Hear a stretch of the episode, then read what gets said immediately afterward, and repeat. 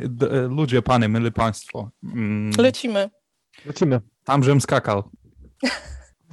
Machamy batutą, zaczynamy. Um, Wojciechu, Słucham. zacznij. zacznij, bo ja, ja zapomniałem, jakie było pytanie. Zawsze możemy od ciszy zacząć. To zaczynamy minutą ciszy. Ale to jest na przykład przed koncertem to jest mega ważne, żeby się skupić. I każdy, każdy mądry pianista, jak ukłoni się, przywita, e, czy to z koncertmistrzem, jak gra z orkiestrą, czy po prostu się ukłoni, podkręci sobie krzesełko, e, frak odsunie, czy sukienkę poprawi, czasem jeszcze nawet chusteczką klawiaturę przetrze, ręce sobie wytrze. To jest taka chwila, żeby te pierwsze takty sobie w głowie ułożyć, zaśpiewać, em, przygotować się jakby mentalnie na bardzo duży wysiłek fizyczny. Dodatkowo ta cisza jest też chyba takim narzędziem scenicznym. Tak, skupia bardzo uwagę, dokładnie. Skupia uwagę, już wiadomo, że wtedy należy nie kaszleć, nie, nie, raczej numerek z szatni nie powinien upaść, nie, nie szeleścimy. I to jest, to jest taki moment, gdzie w zasadzie no, ten dźwięk już jest, nie? taki bardzo magiczny. Ludzi z gruźlicą No zawracacie na wejściu. Ale to się często zdarza, słuchajcie, naprawdę się, no, no może nie często, ale zdarza się. I to jest, y, no to jest, nie, znaczy nie wiem, że może być to nie do opanowania, bo po prostu jest takie jakieś podrażnienie gardła, że no koniec, no publiczność zaczyna kaszleć i, i, tyle, no trzeba grać dalej, tak, żeby się nie wiem jak waliło, paliło, no różne rzeczy się dzieją i kiedyś nuty spadły na przykład na koncercie w Stanach Zjednoczonych, w Kanadzie chyba grałam z taką śpiewaczką, I już nie pamiętam dlaczego, w ogóle przewracałam e, kartki i po prostu mi spadły nuty. Jedną ręką grałam, drugą zbierałam z podłogi nuty. Nie bardzo. W ogóle wiesz, po prostu twarz, poker face. A, jak, jak, a tak swoją drogą, jak grasz, e, to ile stron do przodu masz zapamiętane w głowie? W sensie, jeżeli zdarzy się faktycznie, że te nuty ci spadną, to na ile możesz grać z pamięci? Ile stron ładuje twój umysł? Powiem tak, jak się gra solo, koncert, y, koncert czy recital, to y, trochę się wyprzedza jakby jeden tak wcześniej. To znaczy też się inaczej trochę uczę y, grać na pamięć utworu, jak gram recital, jak grałam, bo teraz już nie gram recital solowy, a inaczej się pracuje, jak się gra z, ze skrzypkiem na przykład albo ze śpiewakiem operowym, bo wtedy siłą rzeczy grasz z nut. Co nie znaczy, że te utwory też y, po prostu nie wchodzą w pamięć, no, no, bo ileś powtórzeń robi swoje. E, I mm, teraz miałam taki, taką przygodę, że na, na, na próbie y, Szymanowskiego y, zgasło nam światło i grałam po ciemku nie? z pamięci kawałek. No i też trzeba było tak, no kawałek nie włączyli światło, potem włączyli, ja już się zaczęłam śmiać, bo już wiedziałam, że dalej właśnie nie pamiętam, bo, bo przy, przy pracy akompaniatora no jednak brakuje też, to jest trochę inna technika w ogóle przygotowania utworu. Granie, granie z nut, y, akompaniowanie niż y, granie solowo. Myślisz, że takie wypadki podnoszą wartość jakby występu? Jeżeli e, jestem na przykład, e, jeżeli ktoś jest na, na widowni, ogląda taki występ i wracając do domu, myśli sobie, ale super, wydarzyła się taka ciekawa sytuacja. słuchajcie, w ogóle opowiem wam się Zagrać z pamięci. tak. Znaczy, tak, jeżeli, jeżeli faktycznie... Czy raczej psioczą na takie rzeczy? Nie, myślę, że byłoby to atrakcyjne i wyobraźcie sobie e, Chopin z Listem, którzy się bardzo przyjaźnili i, i wspólnie często bawili się i występowali, robili takie e, psikusy swoim słuchaczom, byli zapraszani na koncerty i na przykład występował List, grał swój utwór, a- a że byli bardzo podobni do siebie, publiczność żądała bisu, wchodził Chopin i grał to samo. Nie miał Hmm. tak genialną pamięć, że był w stanie zagrać cały utwór lista od początku do końca i dopiero e, publiczność się orientowała przy brawach, że ktoś inny siedział przy fortepianie. Ale oni Ale byli faktycznie podobni, czy, czy nosili Tak, peruki tak, podobne? no, podobno? Nie, to w perukach to nie wiem, ale podobni byli, tak. Byli bliźniakami czterojajowymi, ale y, Był w ogóle list, bo ja to jest dla mnie nieznajome nazwisko całkowicie. To był węgierski kompozytor Franz Liszt, pisze się Liszt i często też e, to jest ten sposób czytania po polsku SZ, prawda? No jakbyś Czytają- powiedziała liszt, to ja już bym wiedział. Od razu byś wiedział, tak jak. Lamborghini, nie? Oczywiście. tak. Wiktor to tam od razu Enge Szenge Dre. jeden z najwybitniejszych kompozytorów, y, nie tylko fortepianowych, no, no genialny jest, naprawdę genialny. W zasadzie e, jego muzyka w ogóle jest nie- nieprzystająca do tamtych instrumentów, ponieważ te mechanizmy w fortepianach też się zmieniały wraz z rozwojem cywilizacji. Mhm. I e, te mechanizmy w czasach romantyzmu, e, za czasów Chopina czy Lista po prostu były takie no, wolne. Nie, nie działały tak sprawnie jak dzisiaj w Yamasze czy w Steinwayu. Więc to niesamowite, że zresztą no, wiadomo, też się gra szybciej pewne rzeczy. Mhm. Mm, ale no, pisał ewidentnie dla mężczyzn. Tu muszę powiedzieć, że wiele kobiet Dlatego się tak lubili z Chopinem?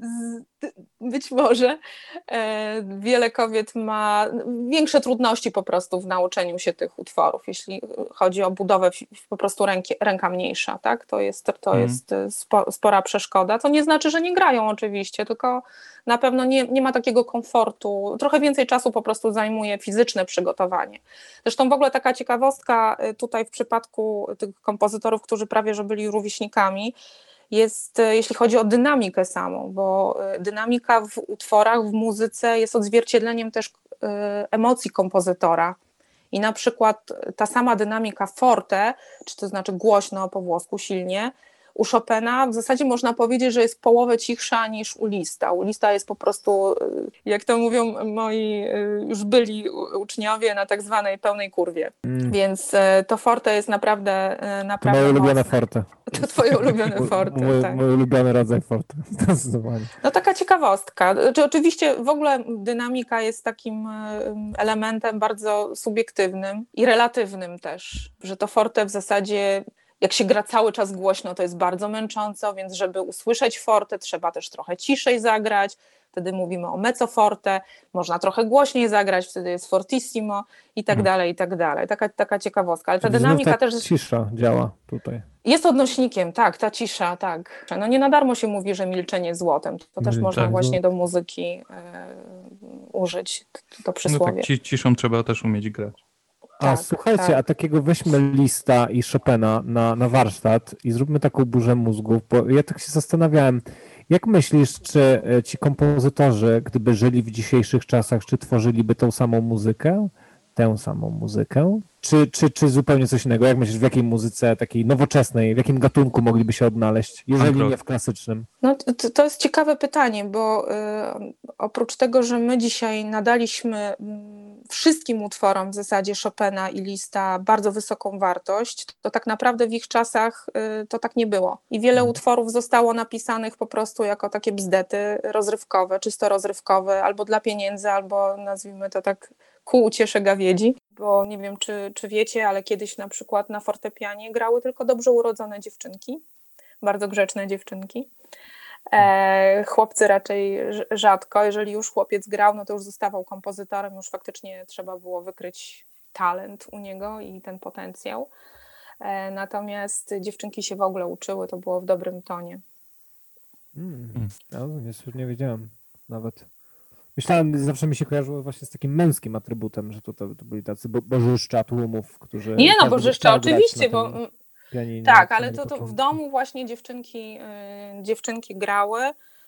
Teraz mi uciekła myśl, którą chciałam dokończyć. y, Dobra, o muzyce, że y, to po prostu były też utwory takie pisane naprawdę, jakbyśmy dzisiaj powiedzieli, no może nie disco polo, ale takie popowe. To, to myślisz, że taki Chopin to byłby właśnie pop, czy raczej, raczej rock? Może jakiś... Ale nie wiem, czy nawet nie muzyka filmowa, wiesz? Muzyka filmowa. Czyli jednak, czyli blisko tej klasycznej. Tak, tak. No muzyka, muzyka filmowa jest zaliczana do muzyki klasycznej. Mhm. Może przez to, że wykonują ją orkiestry i jakby to całe przygotowanie jest. Oczywiście nie, nie każdą muzykę, tak? Bo oczywiście zdarza się elektroniczna muzyka i. i no ale, ale głównie orkiestry nagrywają. Mm, Więc może, może mm, do przedstawień teatralnych też by pisali. Zresztą teraz na scenie e, opery na Teatru Narodowego jest ba- balet Meyerling do muzyki właśnie Franza Lista. Mm. No, polecam, jakbyście mieli ochotę. No. Ja trochę chcę połączyć oba tematy filmu i relacji pomiędzy muzykami. E, Obstawiam, że oglądałaś film Amadeusz. Tak, tak. I tak się zastanawiam, czy ten film trochę nie zabił e, osoby tego drugiego muzyka, z którym on konkurował na początku jest, zapomniałem. Salieriego. Tak, Salierian. że, że troszkę Mhm. nie zabił jego postaci, ten film? Nie zabił jako kompozytora, tak? Tak, tak. No, bardzo możliwe, bo no, ja nie znam utworów Salieriego, a był wybitnym kompozytorem, e, ale nie znam być może ze swojej, że tak powiem, no, abnegacji, e, a nie Mhm. z tego, że on nic nie pisał, e, no, bo pisał. A jednak faktycznie mm, no Mozart był naprawdę geniuszem. To jest, takie osoby się zdarzają raz na milion. To, to nie ulega wątpliwości, że to Jak był śpiewa geniusz. Bartek Wrona, E, ty jedno na milion. Świeci się milionem monet, tak? Też jakaś Tak. coś takiego było. To już inne czasy. Tak, Aczkolwiek... bo, e, słuchajcie, Mozart, Mozart zaczął pisać jak miał w ogóle dwa chyba lata. Więc i, I pierwszą operę napisał jak miał 11 lat, Bastien Bastien. I do dzisiaj się tę operę wykonuje. E, więc e, oczywiście te pierwsze kompozycje pomagał mu tato pisać, bo, bo nie był w stanie jeszcze zapisu nutowego, no wiadomo, mała dziecięca rączka, ale grał już absolutnie jako dwu, dwu trzylatek. E, Czyli z tego co rozumiem, ty nie wartościujesz jakby muzyki e, filmowej, a jeżeli wartościujesz, to jakby nie uznajesz ją za e, nie gorszą od muzyki klasycznej. Wiesz, to przede wszystkim ludzi, którzy zajmują się muzyką filmową, bo nie wiem, czy wiecie, tam w- bodajże w Stanach Zjednoczonych chyba są dwie orkiestry, które się specjalizują w nagrywaniu tej muzyki, o ile dobrze pamiętam, muzyki filmowej. No to wszyscy, jest, wszyscy jesteśmy świetnie, wszyscy muzycy, wszyscy muzycy klasyczni, bo to tak chciałam powiedzieć, ale oni to też są świetnie wykształceni, więc chyba zarówno też kompozytorzy są świetnie wykształceni. No, z takich znanych polskich kompozytorów, którzy w Stanach robią karierę, wiesz, Abel Korzeniowski czy Jana P. Kaczmarek, no to oni są świetnie wykształceni muzycznie. Rozumiem, ale jeżeli słuchasz muzyki filmowej, masz jakby analizujesz ją, ja na przykład nut nigdy nie czytałem, nie umiem czytać, ale czy analizujesz Mhm. jakby jakość, czy e, masz takie, em, możesz stwierdzić, że muzyka filmowa jest, przez to, że no, bezdyskusyjnie ona musi trafiać do większej jakby em, do większej, szerszej publiczności, bo jedno, jednak jest to, po, ja w jakimś tam połą, w stopniu połączone z produktem kultury masowym, czyli, masowej, czyli na przykład filmem. E, Mhm. Czy ta jakość jest jakby niższa od muzyki klasycznej, która jednak tam wymaga jakiejś, e, jakiejś wiedzy, jakiegoś wykształcenia, żeby w pełni ją pojąć i wyczuć? Wiesz, to kryteria, jakie sobie realizatorzy zakładają w filmie, rozumiem, że są takie, że muzyka bardzo wspiera film, nie przeszkadza przede Mhm. wszystkim, podnosi wartość filmu, sprawia, że słuchacz jest troszeczkę, mm, pod, znaczy akcja jest jakby podbita tą muzyką trochę, tak? E, I mm, nie, absolutnie nie wartościuję. Nie, nie, nie. To jest. a- Rozumiem. Znaczy, mam jeden barometr, słuchajcie. Mam barometr taki, że albo mam ciary, albo nie. Aha, a, czyli, a no to słusznie. A to nie jest to tak, że mówi- wykształcony muzyk troszeczkę inaczej słucha muzyki niż przeciętny słuchacz? Absolutnie tak. I opowiem Wam o takim przypadku y, mojej koleżanki mm, studiujące psychologię muzyki, zajmujące się właśnie leczeniem y, muzyką, em, zrobiły taką ankietę na podstawie muzyki Pendereckiego, Hiroshima. Nie wiem, czy znacie taki utwór. Jedna dziewczyna przeprowadzała ankietę e, wśród muzyków, a druga wśród normalnych ludzi, nazwijmy to. E, I o ile po wysłuchaniu muzyki nikt, e, jakby agresja nie wzrosła u muzyków, o, tyle e, u osób, które się nigdy w życiu nie zajmowały muzyką, wzrosła czasem z jednego punktu do dziesięciu. Akurat Hi- Hiroshima jest takim e, bardzo mocnym utworem, bo oddaje mm, z dźwiękonaśladowczym samolotów, odgłosów krzyków ludzi, wybuchów. Jest naprawdę, naprawdę mocnym, ale faktycznie muzycy to odbierają jako utwór, no bo wiedzą, że za tym stoją instrumenty. Natomiast e, okazało się, że osoby niezwiązane z muzyką bardzo to przeżywały. Czyli de facto tutaj e, mówimy o sytuacji, w której muzyka dla właśnie no, No, profesjonalnych... muzykoterapia, bo mi zabrakło tego muzyko- słowa, okej, muzykoterapia. okej. Czyli de facto właściwie ona na e, profesjonalistów wpływa w zasadzie w, w kontekście intelektualnym, że oni po prostu odczuwają w zasadzie, rozbierają ją na części, natomiast de facto u publiczności ma ona wywołać konkretne emocje. To jest Tak, w zasadzie tak. Mhm, tak. Jasne. Ja myślę, że w ogóle muzyka jest takim najbardziej czułym nośnikiem emocjonalnym. To, co Mhm. się dzieje, to, co wkładają muzycy, nazwijmy to tak banalnie serce, jakie wkładają, mm, to mm, no, ludzie to odbierają faktycznie. To jest ta energia. Myślisz, że w kontekście analizy muzyki można się na nią odwrażliwić? W sensie, że em, em, taki, a właśnie znawca, analityk muzyki może przestać muzykę odczuwać, a tylko ją analizować? Czy nie? Myślę, że nie. To znaczy, to też może zależy, czy ten analityk e, jest instrumentalistą, czy gra też sam, czy sam się przygotowuje.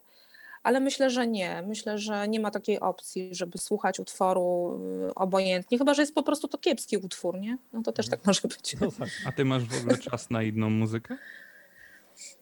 Mam. Ja miałam różne etapy w swoim życiu, łącznie z rockiem e, i łącznie z popem. Absolutnie e, to nie jest tak. Zresztą w ogóle muzycy słuchają różnej, różnej muzyki. To nie jest tak, że my siedzimy tylko w Bachu, Chopinie i nie daj Boże Pendereckim właśnie. E, Absolutnie nie słuchamy różnej muzyki i jazzu też słuchamy oczywiście. No, no może nawet Zenka słucham, no przyznam się bez bicia. Znaczy może nie tyle, że mam płyty, no ale jak idzie na imprezie, no to ta noga No. sama skacze, no błagam.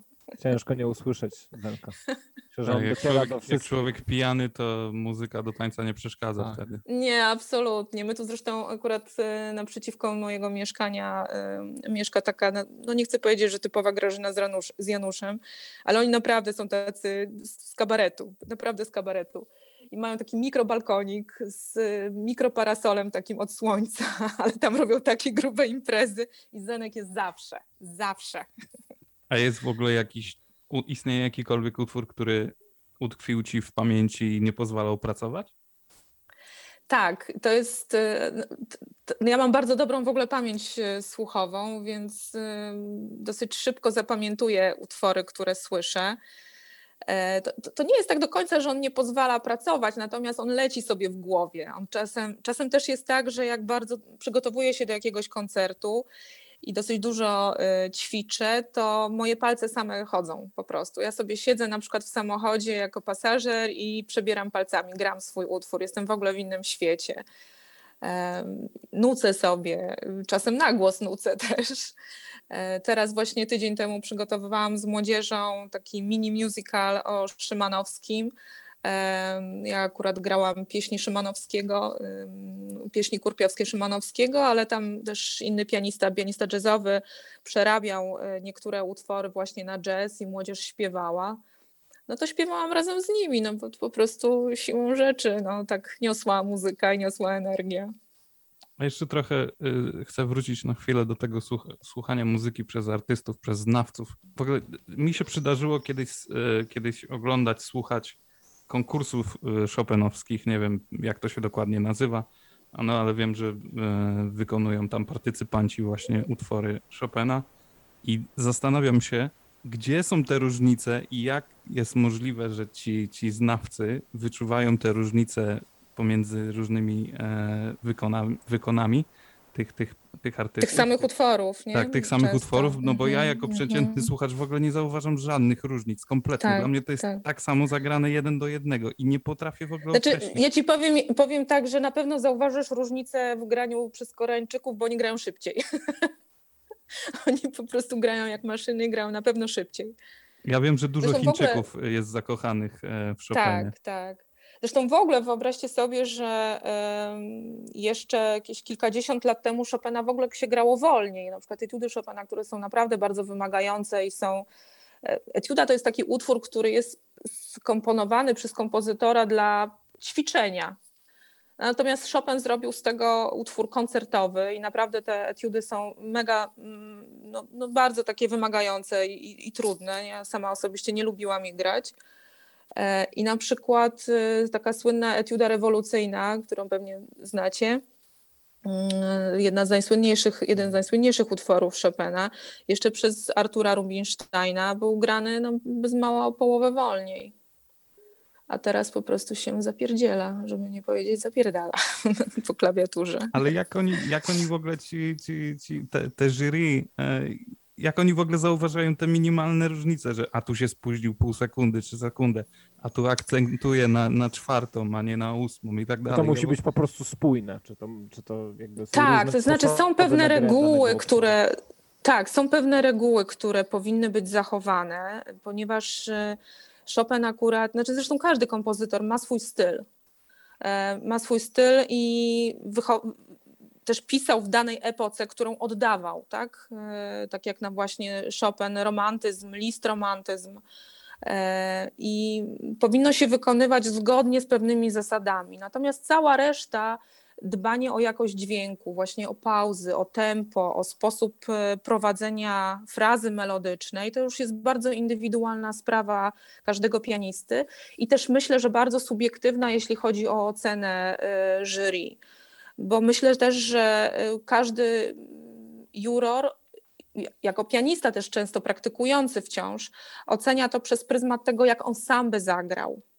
I tu znowu y, myślę sobie, że trochę te, to futro na rękach, te ciary mają znaczenie.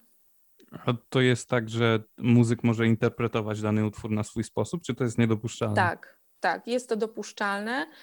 Też y, mm, był taki pianista Iwo Pogorelicz, którego występ na konkursie chopinowskim zakończył się wielkim skandalem. Po pierwsze dlatego, że on przyszedł ubrany nie w smoking, tylko w koszulę. E, A po drugie zagrał zupełnie inaczej niż e, się grało drzewiej Chopina. E, I Marta Argericz, która no, jedna z najsłynniejszych pianistek na świecie, jak nie najsłynniejsza, po prostu zbuntowała się i wyszła z obrad, bo ona bardzo go jakby chciała, żeby on właśnie tutaj no, wygrał, nie? To, y, a propos jeszcze jego ubioru, to nad tym też się poważnie zastanawiałem przed, przed rozmową, bo zauważyłem, że właśnie e, mężczyźni, którzy występują, oni mają te fraki czy też smokingi, nie wiem jak to się dokładnie nazywa, i oni wykonują tak. ten ruch, e, Tak. że, że, że zamiatają tą się- końcówkę. Od razu My mi się ja to nazywam taki dupochlastami. Ja, ja ich nazywam zresztą. dupochlastami i zastanawiam się, czy każdy z nich tak robi w ten sposób, czy to jest wskazane, czy to trzeba tak robić? Nie, no to tak trzeba, żeby, no bo jak sobie przy, przytrzaśniesz tyłkiem, no to potem ci trochę tak ciężko ruchy Ale oni mieć, zawsze to nie? tak zamaszyście robią, a nie można by Tak, było po prostu tak. przytrzymać? Nie wiem. Chodzi ci o manierę, tak? Czy to jest jakiś kanon? No tak, właśnie o to chodzi, nie? że Może być. Śmieszne Ciekawe, no nie, nie, wiesz, nigdy nie występowałam w smokingu, ale przypomniał mi się taki sketch kabaretowy Janusza Gajosa, który właśnie e, opowiadał o pianiście przed konkursem chopinowskim i właśnie taki szpony do góry i już ma grać, a jeszcze sobie krzesełko podkręci, nie? bo to też jest kolejny e- element rytuału y, pianisty, właśnie krzesełko, te, te obustronne dupochlasty i właśnie te szpony do góry i potem jeszcze znowu raz krzesełko, bo trochę jest za bardzo, za wysoko, a trochę za nisko. I... Jeszcze w ramach zachęty w ogóle i, opowiadania y, właśnie, mm, czy muzykę można wykonywać niezgodnie z kanonami. Bardzo fajnym przykładem też y, paręnaście lat temu, y, może już nawet chyba i 20 lat temu, Christian Zimmerman, taki znany polski pianista, wpadł na genialny pomysł stworzyć polską orkiestrę młodzieżową, która z nim będzie jeździła po świecie i, i nagrali dwa koncerty chopinowskie, Emol i F-moll. I on powyciągał z tych koncertów, słuchajcie, tak genialne rzeczy, po prostu pokazał. Ja przypomnę, że y, Chopin napisał te koncerty, jak miał, miał chyba 17-18 lat. A co ty zrobiłeś, jak miałeś 17 lat? E, Natomiast powyciągał taką muzykę ludową, poznajdywał w tym akompaniamencie zupełnie inną melodię niż wszyscy wykonują. Został totalnie zjebany po prostu przez polskie środowisko muzyczne. To było straszne. Oni go w Polsce zniszczyli. Natomiast ja słuchając tej płyty mówię, ja pierdzielę, po prostu rewelacja. No wreszcie widać i słychać, jak się ten Chopin inspirował faktycznie tą polską muzyką. Hmm, to bardzo ciekawe. Szymon, coś chciałeś powiedzieć? E, Wiesz co, ja w zasadzie teraz zamyśliłem się właśnie w związku z tym, mm, jak tak właśnie czasami można te interpretacje wyglądać.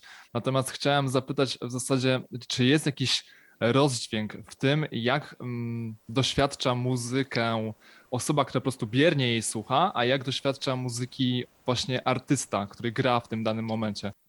No to jest pewnego rodzaju, y, muszę wam powiedzieć, pewnego rodzaju wejście w medytację wręcz, y, w taki no, niebywały stan połączenia umysłu z ciałem. I teraz akurat jest troszkę u mnie inaczej, bo y, ja od kilkunastu lat akompaniuję, co akompaniuję śpiewakom operowym, co oznacza, że generalnie gram z nut. Chociażby z tego Mhm. względu, żeby wiedzieć, czy śpiewak się pomylił, czy nie. Ale mm, normalnie, jakbym była muzykiem y, solowym, koncertującym pianistą solowym, grałabym oczywiście recitale z pamięci. I tak grałam, tak? Przez w zasadzie koncerty grałam od siódmego roku życia. I zawsze się grało koncerty z pamięci. To, to jest faktycznie, ja uważam, że w ogóle dźwięk się rodzi w mojej intencji. I to jest tak, że nim, nim ja położę palce na klawiaturze, to to, co się zadziewa pomiędzy podniesieniem mojej ręki a dotknięciem klawisza, to już słychać, to już jest dźwięk. Mhm.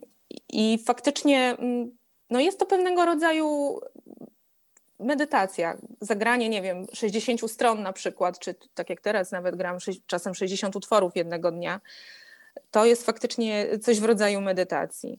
Muszę niesamowicie panować i nad swoją pamięcią, i nad sw- swoimi mięśniami przede wszystkim.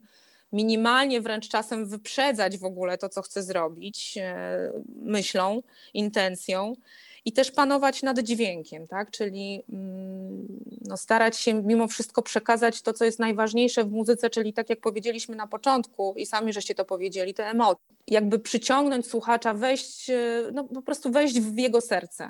Ja zresztą bardzo często mm, przy pracy mm, swojej, szczególnie jak mam ciężki, mm, ciężkie granie, wykorzystuję w ogóle techniki takie wizualizacyjne. E, To oczywiście to wymaga dobrego przygotowania utworu. To nie jest tak, że, że pierwszy raz czytam utwór, tylko ja go muszę umieć e, no, w, miarę, w miarę perfekcyjnie. I faktycznie na przykład te trudne momenty ćwiczę poprzez wizualizację. Wręcz tak. Na czym polega ta wizualizacja? To jest em, kwestia, który konkretnie klawisz naciśniesz e, w danym momencie, czy Wizualizacja polega na tym, że e, ja tak praktykuję. Leżę Mhm. sobie na przykład Okej. i w głowie cały utwór gram. I łącznie z tym, że w Hmm. ogóle moje mięśnie też w tym czasie pracują. I to jest świetny patent na to, żeby wyłapać na przykład przy trudnych momentach technicznych, wyłapać ten moment, kiedy ciało się spina ze stresu, tak? No bo nie ukrywajmy, że to jest też taka walka nasza ze stresem i z, z różnymi tam e, słabościami naszymi technicznymi i fizycznymi nawet. Mhm. E, I to jest świetny, świetny patent, żeby właśnie wyłapać e, taki moment, rozluźnić ciało, skupić się, rozluźnić ciało i spowodować, że to ciało przy trudnym momencie zaufa i po prostu będzie rozluźnione. Ale też daje taką bardzo duży komfort, jeśli chodzi o naukę na pamięć. Po prostu ja w tym momencie wiem, że ja jestem nauczona, że, że umiem Mhm. ten utwór.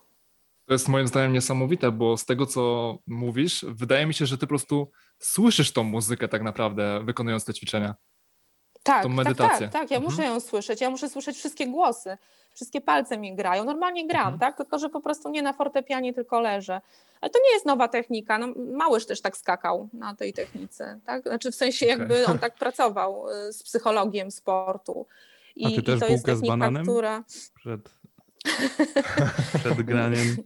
Ja to słuchajcie, e, w ogóle nic nie jem przed koncertami, nie? Ze strachu i znaczy ze strachu to żartuję, ale po prostu nie jestem w stanie nic zjeść. Lubię, lubię grać jak na pusty żołądek, ale jedyne to jest mój rytuał, jem czekoladę, gorzką czekoladę. I tak Gorzką. zawsze było. Tak, gorzką czekoladę. A, Nie, można, bułki z bananem nie jem. można powiedzieć artyście, że jest, no, że jest chujowy skrytykować kogoś? Można mu powiedzieć to, czy nie? Czy, nie, czy, czy artysta odgórnie nie przyjmuje krytyki? No na pewno ciężko przyjmuje krytykę. To, wiesz, to zależy ile pracy w to włożył. No, my jesteśmy z reguły bardzo krytyczni. Myślę, że w ogóle na, Wobec na palcach samych jednej w sensie? ręki. Tak, wobec siebie samych. My jesteśmy bardzo krytyczni.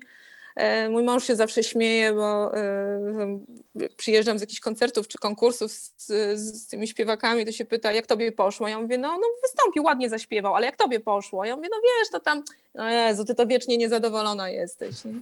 A słuchasz No, to tak- swoich występów? Przesłuchujesz ich ponownie? Czy raczej się w ogóle od nich odcinasz, nie chcesz o nich myśleć i, i myślisz o następnym? Wiesz co, jak są nagrane, to słucham yy, i pamiętam... Jaką, jaką masz jak- wtedy minę? Satys usatysfakcjonowaną, czy się, tak, czy się krzywisz? Wiesz co, ja y, różnie. Po- Powiem ci tak w ogóle, y, może w ogóle zacytuję tutaj wybitnego śpiewaka Placido Domingo, który swego czasu, za czasów swojej świetności y, miał ponad 200 koncertów y, rocznie. E, I on mówił, że wśród tych 200 koncertów rocznie ma cztery takie, gdzie samo idzie. Jest taki super flow, że on wychodzi na scenę i faktycznie wszystko mu wychodzi, a cała reszta to jest y, ciężka, ciężka praca, ciężkie skupienie, y, jakby no taka walka też z własną psychiką. I trochę to, to tak jest, że po prostu ja wiem, kiedy ja gram zajebiście i wiem, kiedy się strasznie zmagam, tak? I co jest w ogóle też ciekawe, że, że bardzo często mi się zdarza taki odbiór wśród y, słuchaczy, że ja mówię, no też za mnie do końca jestem zadowolona, coś tam, coś tam. Nie, no było super, po prostu mega, byłaś taka skupiona, w ogóle ten dźwięk, w ogóle rewelacja. A ja mówię, aha, no dobra, czyli jednak może właśnie przez to, że walczyłam, to się bardziej starałam, upraszczając e, i, i wyszło lepiej, nie? Ale tak to chyba trochę jest, że jeżeli zaczę, zaczynają tobą targać emocje, nawet jeżeli pozytywne, to emocje, to może, może się wydarzyć nawet tak, że tych błędów e, w- będzie więcej niż jeżeli masz podejście takie stricte rzemieślnicze do, do występu. Absolutnie, absolutnie tak jest. I w ogóle ja tak y, byłam nauczona, na, w szkole byłam nauczona właśnie emocje dodawać na samym końcu, natomiast na szczęście na swojej drodze spotkałam wspaniałego, wybi- wybitną pianistkę rosyjską Olgę Rusinę, która, z, z którą pracowałam przez pięć lat. I ona mnie właśnie nauczyła zu- zupełnie innego podejścia do pracy. Ona mnie nauczyła do te, takiego podejścia, że ja od pierwszej nuty, jak tylko zobaczyłam utwór, dostałam nuty i od pierwszego dźwięku, jaki przeczytałam, musiałam włożyć w to emocje. One mogły się zmienić kilkanaście razy, ta interpretacja mogła się zmienić, ale ona zawsze ze mną bardzo dużo rozmawiała o tym, co ten utwór ma, jaki jest cel tego utworu, co on ma wnieść, e, co kompozytor chciał też przez ten utwór powiedzieć. I ja od początku pracowałam z dynamiką, bo dynamika jest takim nośnikiem emocjonalnym. Tempo, ra- rytm raczej, raczej nie, ale właśnie dynamika, czyli czy głośno, czy cicho, ta jakość dźwięku. E, I taka praca powoduje, że faktycznie na koncertach, kiedy nas trochę poniesie, to my panujemy nad utworem. Natomiast odwrotna faktycznie może przynieść taki efekt, że no może się coś po prostu wygrzmocić, no i tyle. I na czasem w ogóle się tak wygrzmocisz, że nie wiesz, gdzie jesteś. Czyli to jest taki Ale to się na szczęście rzadko właśnie zdarza. Tą namiętnością, a tym odtwórstwem takim. Jest chyba więcej tych kompromisów, bo y, my też y, gramy z reguły na różnych instrumentach. My nie gramy na tych instrumentach, na których pracujemy. E, Bo każdy, już pomijam fakt, że każdy fortepian jest inny, nie ma dwóch takich samych instrumentów, no to siłą rzeczy nie, nie, nie jeździmy ze swoim fortepianem na każdy koncert, tylko Mhm. w domu mamy inny, w, w pracy mamy inny, czy na studiach mieliśmy inny, a w salach koncertowych jeszcze zupełnie inny. Nie zawsze jest możliwość zagrania próby, i czasem po prostu te pierwsze dźwięki są takie bardzo ostrożne, żeby zbadać klawiaturę, bo te klawiatury są bardzo różne, ten mechanizm może być różny. To ile masz przerobionych instrumentów? Instrumentów, na których grałam w życiu? Mhm. No. O Je- O Jezu, strasznie dużo, no to ciężko jest powiedzieć. Do tego A stopnia, w- że pamiętam, W trakcie występów? Mhm. no to gram na jednym. tworzy- Tak, na- na jednym. Aha, rozumiem. Dobra, Tak, myślałem, tak, bo tak. Przez, przez chwilę zrozumiałem, że to jest taki trochę ślepy traf czasami i myślę sobie, że, e, że kurczę, no w takim razie musisz mieć wszystkie obcykane instrumenty, bo wyjeżdżając na jakiś, e, e, na jakiś występ jeszcze mogą ci dać jakiś trójkąt albo co, cokolwiek innego. Uzon. Nie, nie, nie, tu chodzi o Uzon, fortepian. Klawikord, O, Klawikord. klawesyn. A właśnie, o klawesynie miałam powiedzieć. Słuchajcie, kiedyś, e, nie wiem, nie pamiętam, w której klasie licealnej byłam, ale do szkoły zadzwoniło polskie wojsko, że chcieliby e, jakichś mu- muzykantów na jakąś galę w ratuszu we Wrocławiu. No i z łapanki złapano moją koleżankę, skrzypaczkę i mnie, jak miałyśmy jakiś tam duet zagrać, e, który miałyśmy akurat przygotowany. No jakież było moje zdziwienie, jak e, po prostu w, salu ratuszu, e, w sali w ratuszu zastałam właśnie klawesyn, a nie fortepian. No i, no i się zagrało, no może. A oni wiedzieli, że to jest inny instrument? Nie, myślę, że sprawę? w ogóle się nie... Znaczy, ja tam trochę usiłowałam protestować, że ta, takim to chyba nie bardzo, nie? Bo nigdy w życiu nie grałam, ale nie, to wojsko polskie. Klawisze są, są, trzy nogi są, są, pudło rezonansowe jest, jest. No z czym tu dyskutować, nie? No tak. Co jest, co jest takiego pociągającego w tej muzyce, że kochały i kochają ją i propagowały i propagują ją najbardziej chore umysły tego świata. I ja mam tu na myśli e, takie osoby, wiesz, jak, jak Hitler, jak Mao, jak Stalin, że przecież Stalina syn bodajże e, grał na fortepianie, z tego co pamiętam. Ze Stalinem jest w ogóle ciekawa historia, dlatego że on nakazał wręcz, żeby dzieci w szkołach e, śpiewały i miały muzykę. I faktycznie, jak się pracuje w ogóle z. No i oczywiście tańce narodowe, tak? Mhm. I jak się pracuje z osobami, z Rosjanami, z Ukraińcami, to nie wszyscy świetnie śpiewają, mają przepiękne głosy. I on to zrobił z pełną premedytacją. Dź- Dźwięk ludzki to są, to są wibracje. E, I w związku z tym śpiewanie w ogóle w chórach daje niesamowitą moc. Te wibracje się zwielokrotniają. E, I on to zrobił z premedytacją, żeby po prostu ten naród był zawsze połączony. Nie wiem jak Hitler, to, tu może mój mąż jako półniemiec będzie mógł więcej o tym powiedzieć. E, Mam nadzieję, że ale nie jest myślę, spokrewniony. nie, nie.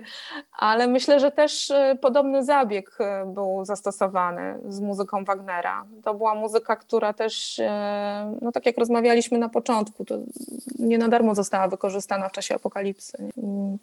Ta ilość, sposób prowadzenia frazy, instrumen, e, instrumentalistyka tych utworów, no, no jednoznacznie, no nic tylko maszerować, nie w mundurze. Myślę, że po prostu to jest ta potęga zawarta w, te, w tej muzyce. Myślę, że też współbrzmienia. Pewne współbrzmienia dają pewne wibracje i te wibracje są odbierane podświadomie czy nieświadomie przez e, słuchaczy. Na Mhm. przykład taką, e, taką pe, pewne tonacje w ogóle w przeszłości w muzyce były wykorzystywane do konkretnych celów. Na przykład e, msze koronacyjne były w tonacji tam bodajże S-dur. Także mm, tam muzyka żałobna była w tonacji c-moll na przykład, taka, no i, i tak dalej, i tak dalej. Więc te współbrzmienia, współbrzmienia harmoniczne myślę, że też mają bardzo duże znaczenie. No, Podejrzewam, że gatunek ludzki już tak długo obcuje z muzyką, że właśnie pewne tony, pewne brzmienia mogą po prostu coś otwierać w, w głowie, jakieś, jakieś konkretne zapadki i kontrolować emocje. Myślę, że jako, Tak, jak, tak. jako narzędzie do kontrolowania emocji jak, jak najbardziej zdaje egzamin, więc być może właśnie dlatego Tak, jest tak. popularna wśród różnego rodzaju. Ale em, też, y, no oczywiście, mm, jak tam od czasu do czasu głosy kościoła się odzywają, że muzyka taka stri- stricte heavy metalowa, mm, typu Behemoth, czy tam inne, to jest y, narzędziem szatana, to oczywiście haha hihi, ale mm, osoby, które znają się na samym dźwięku, pracują z dźwiękiem, wiedzą, że, że, że ci ludzie mają rację, tak? Bo te współbrzmienia po prostu nie robią dobrze na głowę. Mhm. No właśnie, Ale- ja, ja w ogóle e, miałem coś, miałem takie pytanie na końcu języka, bo to jest, to jest, to jest pytanie, które e, bardzo fragmentarycznie pamiętam, bo e, już dłu- długi czas gdzieś tam w głowie je trzymam. W sensie nie, nie w czasie tej rozmowy, tylko ogólnie przez kilka lat. Kiedyś się spotkałem z taką, e, z taką, z taką, z taką informacją, że w średniowieczu, jak cała sztuka zresztą, podlegała pewnym ścisłym kanonom, tak i muzyka. I pewne Mhm. właśnie tony były uznawane za, przez to, że nie wpisywały się w te kanony, właśnie były uznawane za diabelskie. I to były jakieś, Mhm. jakieś konkretne, mm, nie wiem, czy to były kolejność jakichś dźwięków po sobie występujących, które jakby zagranie takich, taki, takich dźwięków ró- równało się z, no, z, z totalnym pas na scenie, że tak powiem, Mhm, średniowiecznej. mhm, mhm, Czy, czy wiesz coś w ogóle o tym? Jakby obiło się? Nie, to, to nie, nie, to, ale wierzę, że tak mogło być. Wierzę, że tak mogło być. E, I to znowu mamy tutaj mm, odniesienie właśnie do drgania pewnych dźwięków, do e, ich współbrzmienia e, harmonicznego. I być może był to, był to jakiś rodzaj takiego dysonansu, który po prostu mm, no, nie pozwalał człowiekowi przenieść się troszeczkę w taki stan, nie wiem, modlitewny, czy właśnie no, w jakiejś tam medytacji modlitewnej, tak? Czyli nie łączył z Bogiem, nazwijmy to. A wspomniałaś też jeszcze o jakby, co powiedziałaś przed chwilą, że właściwie ta analiza tych metalowych dźwięków, e, dźwiękowiec mógłby powiedzieć nam po prostu, że ono w jakiś sposób negatywny wpływa na nasz umysł. Jakby wiesz, jaki to właściwie ten wpływ może być? Jakby z czego to może wynikać i co wywoływać tak naprawdę?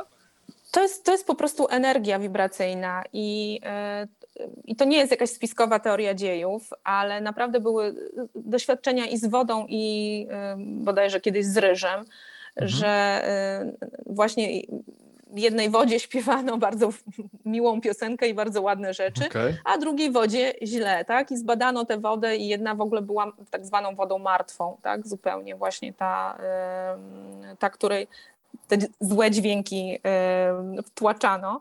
Okay. E, zresztą też zrobiono takie doświadczenie z ryżem, że nad jednym ryżem się pastwiono i tam mówiono jesteś wstrętny B i w ogóle, a na drugim, że super i kochany i wysyłałem ci miłość i ja wiem, że to strasznie banalnie brzmi, ale naprawdę no naprawdę to działa i to, to, to, są doświadczenia naukowe, to nie jest jakiś tam mhm. Spiskowa teoria znaczy, dziejów. Zastanawiam się nad różnicą właśnie, nad w zasadzie tą wodą, która była taka pozytywna załóżmy i tą pustą, martwą, tak? Jak wspomniałaś. Mhm. Jaka jest no, de facto, nie wiem, w składzie, czy, czy tutaj została zmiana nie wiem, próbuję sobie tak to jakoś. Tak, układać. zmiany chemiczne chyba chemiczne, znaleziono. Znaczy, okay. tak, tak, tak mi się wydaje, że, że tak, to, to, to na takiej zasadzie. Mhm. Bo tutaj początkowo wydawało mi się, że tutaj chodzi głównie o emocje, jeżeli chodzi o człowieka, czyli nie wiem, jakiś gniew, tak dalej, jakby to do mnie by przemawiało faktycznie. Ale gniew też, też wyzwalał w tobie tak, reakcje Tak, to na pewno. Nie? No kortyzol, jakiś hormon stresu, ewentualnie tak. coś w tym stylu, nie? Tak. Jak najbardziej, jak najbardziej, oczywiście. Słuchaj, za, zależnie od tego, jakiej muzy jaką muzykę puszcza się w wodzie, to z tej wody coś powstaje. Na przykład, wiesz, woda święcona, alkohol i tak dalej. Okay. Jak się śpiewa i jeszcze jeden i jeszcze raz, to zawsze się zmienia woda w wino, tak? Nie, gorzko, gorzko to wtedy woda. A, gorzko, gorzko wtedy woda. Rozumiem, że taką aluzją chcecie się zapytać, czy muzycy piją, tak? Płynnie to, przeszliśmy do tego tematu. Płynnie czy... przeszliście do innego tematu.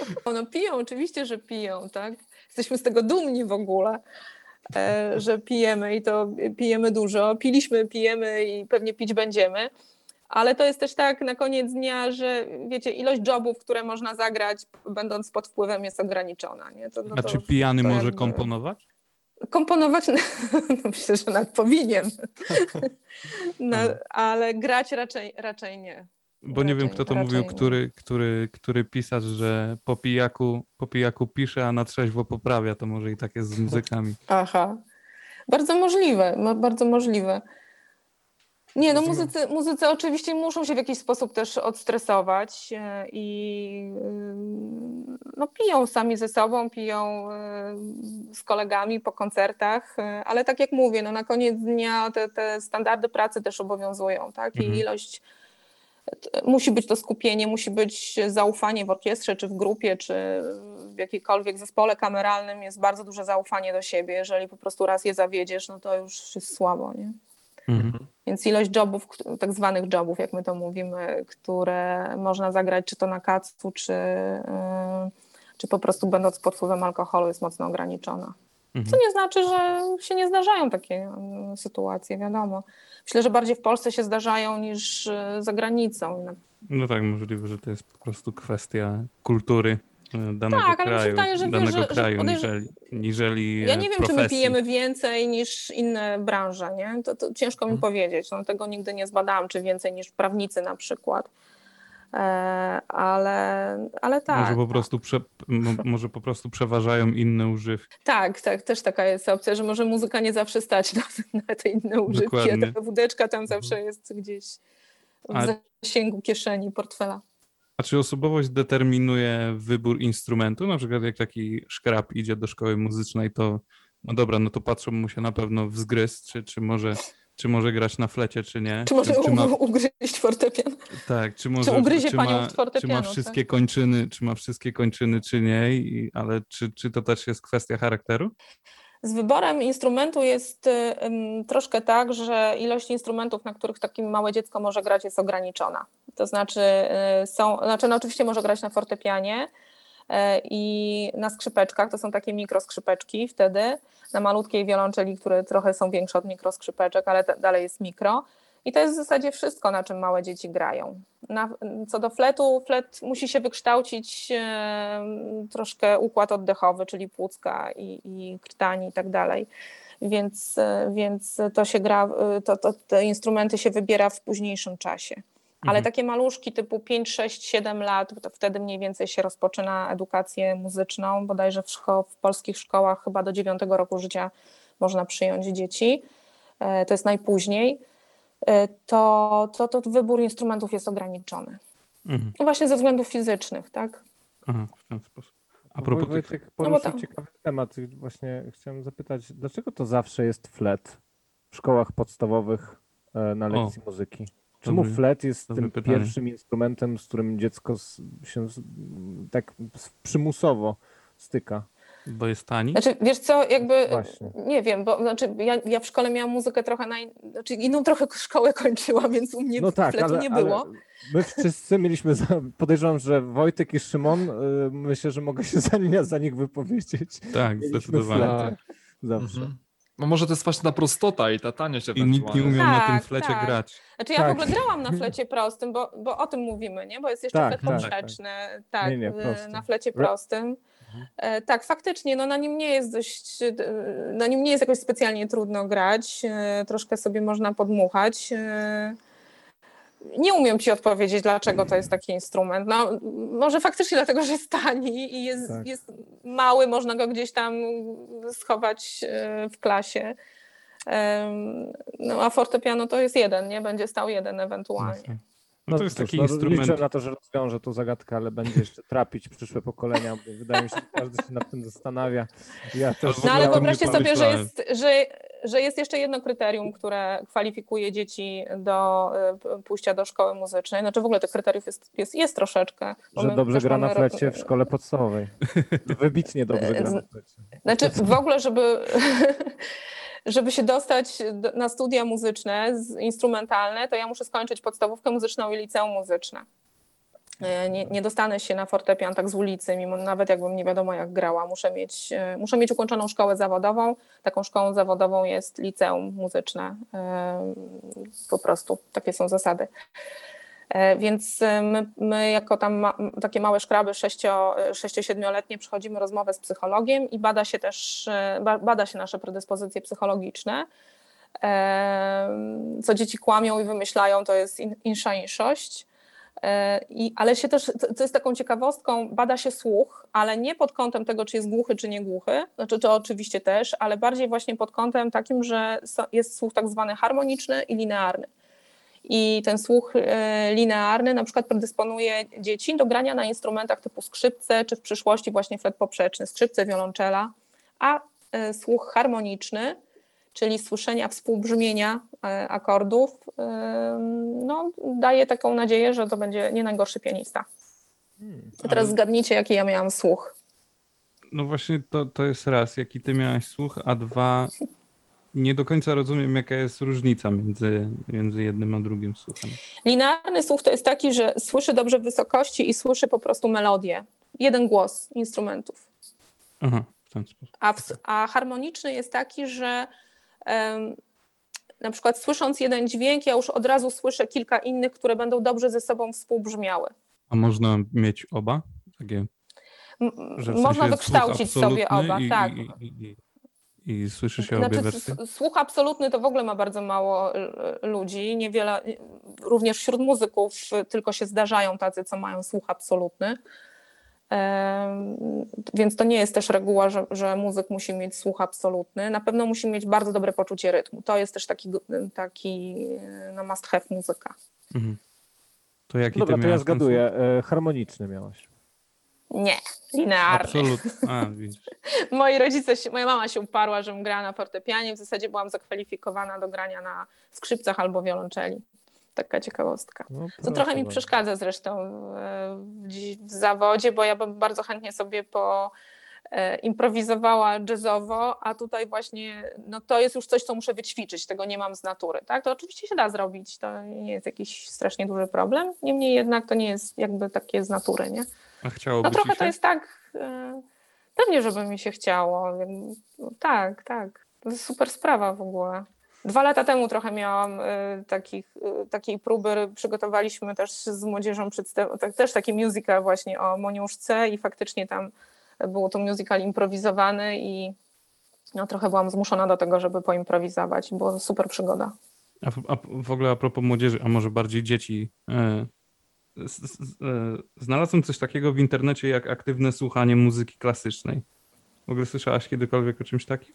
Coś w rodzaju rytmiki, że dzieci tańczą do Tak, tego, tak? dzieci tańczą, śpiewają? taka czy... gimnas Mhm. gimnastyka, rytmika przy muzyce, Mhm. muzyce klasycznej. I to jest w szkołach artystycznych właśnie, podstawówkach czy, Mhm. to, czy tam gimnazjach.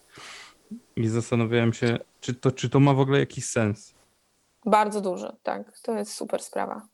Bardzo rozwijający przede wszystkim, bardzo rozwijający ruchowo, koordynację ruchów, półkule mózgowe, e, pamięć ruchową, pamięć słuchową, tak, to jest super. A, no to widzisz, bo myślałem, że to jest Bardzo takie troszeczkę... polecam też dorosłym. Nie? Się przyda. Może, może ten, może to nas za- zainspiruje do, do rozpoczęcia nauki gry na jakimś instrumencie. Czy może No jesteśmy za starzy? No właśnie, czy to nie jest za późno dla nas już w ogóle? Nawet gdybyśmy odkryli w sobie jakąś taką chęć nie do poskromienia. Nie, absolutnie nie. Mm, Znaczy, oczywiście najłatwiej się dzieciom uczyć, tak? To jakby nie ukrywajmy. Ze wszystkim jest jak ze sportem.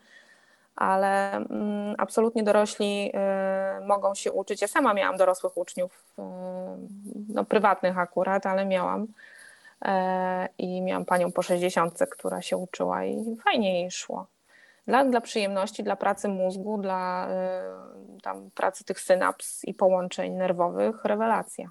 Myślę sobie też, y, daliście mi do myślenia w ogóle tym, co powiedzieliście, że jak jest w sumie wartościowa w ogóle edukacja muzyczna, czy edukacja artystyczna w dzisiejszym świecie, bo ona nie tylko rozwija granie w ogóle, czy śpiewanie, rozwija nie tylko nasz umysł, nasz mózg, bo to już zostało udowodnione naukowo, ale też zmusza do pewnego rodzaju utrzymania tych dzisiaj już konserwatywnych wartości, jak właśnie cierpliwość, jak uważność, jak szacunek dla drugiego człowieka, jak umiejętność współpracy z drugim człowiekiem, jak też zmierzenie się z porażką, z bólem często, bo przecież my naprawdę, no, nas i ręce bolą, i gardło śpiewaków boli, Mm. i mm, nie- nierzadko zdarzają się przypadki lądowania, wiesz, no, e, w szpitalu na jakichś tam zastrzykach, bo się mięśnie przeforsowały, tak. E, Ja też pamiętam takie, e, taką pracę, gdzie no, miałam krew pod paznokciami bo, od, od grania, bo trzeba było przygotować się do jakiegoś recitalu. Mm, Czy właśnie oklejone ręce e, przez fizjoterapeutę, bo dwa dni przed koncertem po prostu nie byłam w stanie nic zagrać. Więc to są rzeczy, z którymi się chyba dzisiaj niewiele młodzieży może zmierzyć takimi właśnie wartościami. I w przypadku edukacji muzycznej po prostu ta edukacja siłą rzeczy wymaga. e, Hartuje? No, wy, wy, tak, bardzo hartuje. Bardzo. No, umiejętność radzenia sobie ze stresem to dzisiaj w ogóle jest nie, no, niewykonalne. Wszystko, co jest niewygodne, raczej ludzie się starają odrzucać. To nie moja Tak, droga. To omijają. nie, to nie. E, Do pierwszego bólu i odpuszczam.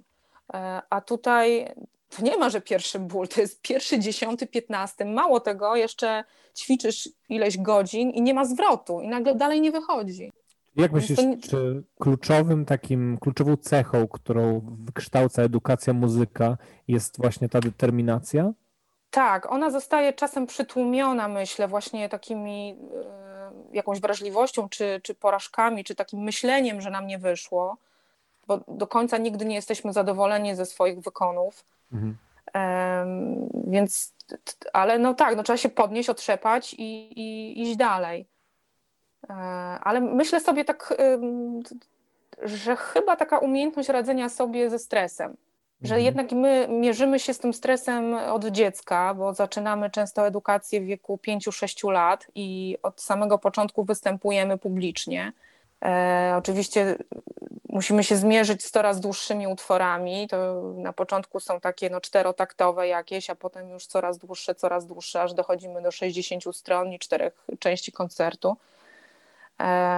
I się wszystko może przydarzyć, tak? Mo- Możemy, nie wiem, możemy krew z nosa e, lecieć podczas koncertu, możemy się pomylić i to tak, że w ogóle staniemy i nie wiemy, co dalej. I trzeba po prostu się otrzepać i, no i radzić sobie. A powiedz mi, bo opisujesz e, wiele scen, które kojarzą mi się e, z filmem Whiplash. Nie wiem, czy go Mhm. widziałaś i nie wiem, jak, jeżeli go widziałaś, to czy, czy, czy Ile jest w nim prawdy? Ile jest w nim prawdy właśnie? O relacji w ogóle między muzykami, między trenerem a muzykiem. Czy można w ogóle użyć takiego słowa trener? Tak, można, można takiego użyć. Znaczy, ja mam nadzieję, że to się zmienia i to jest, to jest w ogóle bardzo taki ciekawy temat i długi, ale absolutnie to, to moje pokolenie, no ja mam czwórkę z przodu i, i to moje pokolenie wyrosło w takiej mocno, y, mocnej relacji mistrz i uczeń. I absolutnie to, co robił, to, co mówił mistrz, to było no jak amen w pacierzu. Tak miało być i koniec. Nie, by, nie było wtedy w Polsce takiej, nie, niewiele było może, nie to, że nie było, ale niewiele było takiej przestrzeni dla um, indywidualności ucznia. Bardzo się też y, duży nacisk kładło się na stronę techniczną, a mniej na, wrażli- na rozwijanie wrażliwości. E, I ja no niestety doświadczyłam dzisiaj, dzisiaj prawdopodobnie y, przy innej wrażliwości moich rodziców, no pani by poda- była podana do sądu, a wtedy to była wiecznie moja wina, że ja czegoś nie zrobiłam. I dzisiaj oczywiście z moimi kolegami wspominamy, bo się okazuje, że to nie tylko ja miałam takie przygody, tylko tych trenerów czy treserów y, było więcej y, u nas w szkole. Do dzisiaj się oczywiście z tego śmiejemy. E, I trochę taki mamy case, wiecie, no jak, a mnie też rodzice bili, a wyrosłem na ludzi, nie? Ale... Bo tak, tro, tak trochę było. I, I faktycznie no, ja miałam takie sytuacje, gdzie no, najpierw leciały nuty, a potem ja, albo odwrotnie, zależy co było bliższe. Czyli prawda, podsumowując. Tak, tak, tak. Ale czy to, jest, czy to jest duch czasu, czy to jest po prostu kwestia, kwestia tego, że uczeń przerósł mistrza, no i tam żal, żal dupę ściska? Ja myślę, że przede wszystkim w tej e, edukacji takiej, zaraz od tego dojdę, ale tej edukacji podstawowej brakowało, nie wiem czy teraz brakuje, bo też, e, też mo, może mi się uda o tym popowiedzieć, ale wtedy brakowało takiej komunikacji dla ucznia, takiej przestrzeni, jak pomóc mu ćwiczyć. Znaczy mówiło się takie hasła, musisz poćwiczyć. I to było wszystko, musisz się nauczyć na pamięć, naucz się na pamięć, ale w jaki sposób podać mu kilka propozycji, przetrwać z nim też ten czas trudny, właśnie takiego zniechęcenia, że dziecko przegrywa ileś tam razy i nie ma zwrotu, ciągle nie wychodzi, mhm. to, to tego absolutnie zabrakło, a to jest moim zdaniem kluczowe. To, to, to, to, jest moim zdaniem takie niezbędne, żeby też właśnie uczeń rozwinął tę determinację w sobie, że on może usiąść na kilka godzin, może znaleźć sam na siebie sposób, swoją własną narrację, co jego przekona do tego, żeby spędzić kilka godzin przy instrumencie, jak, jak się pobawić tym, to tego absolutnie brakuje. Myślę sobie też dzisiaj, że to pokolenie, które dzisiaj uczy, to po prostu y, no nie chce powielać takich schematów. I hmm. trochę też y, tutaj rodzice, którzy y, no, jednak kładą nacisk na to, szczególnie w szkołach, bo bardzo dużo szkół prywatnych powstało z prawami publicznymi, no ale to ciągle jest szkoła prywatna, czyli rodzic płaci i dziecko ma mieć trochę w sumie zabawę, bo trochę nie wiadomo, czy ma talent i tak dalej.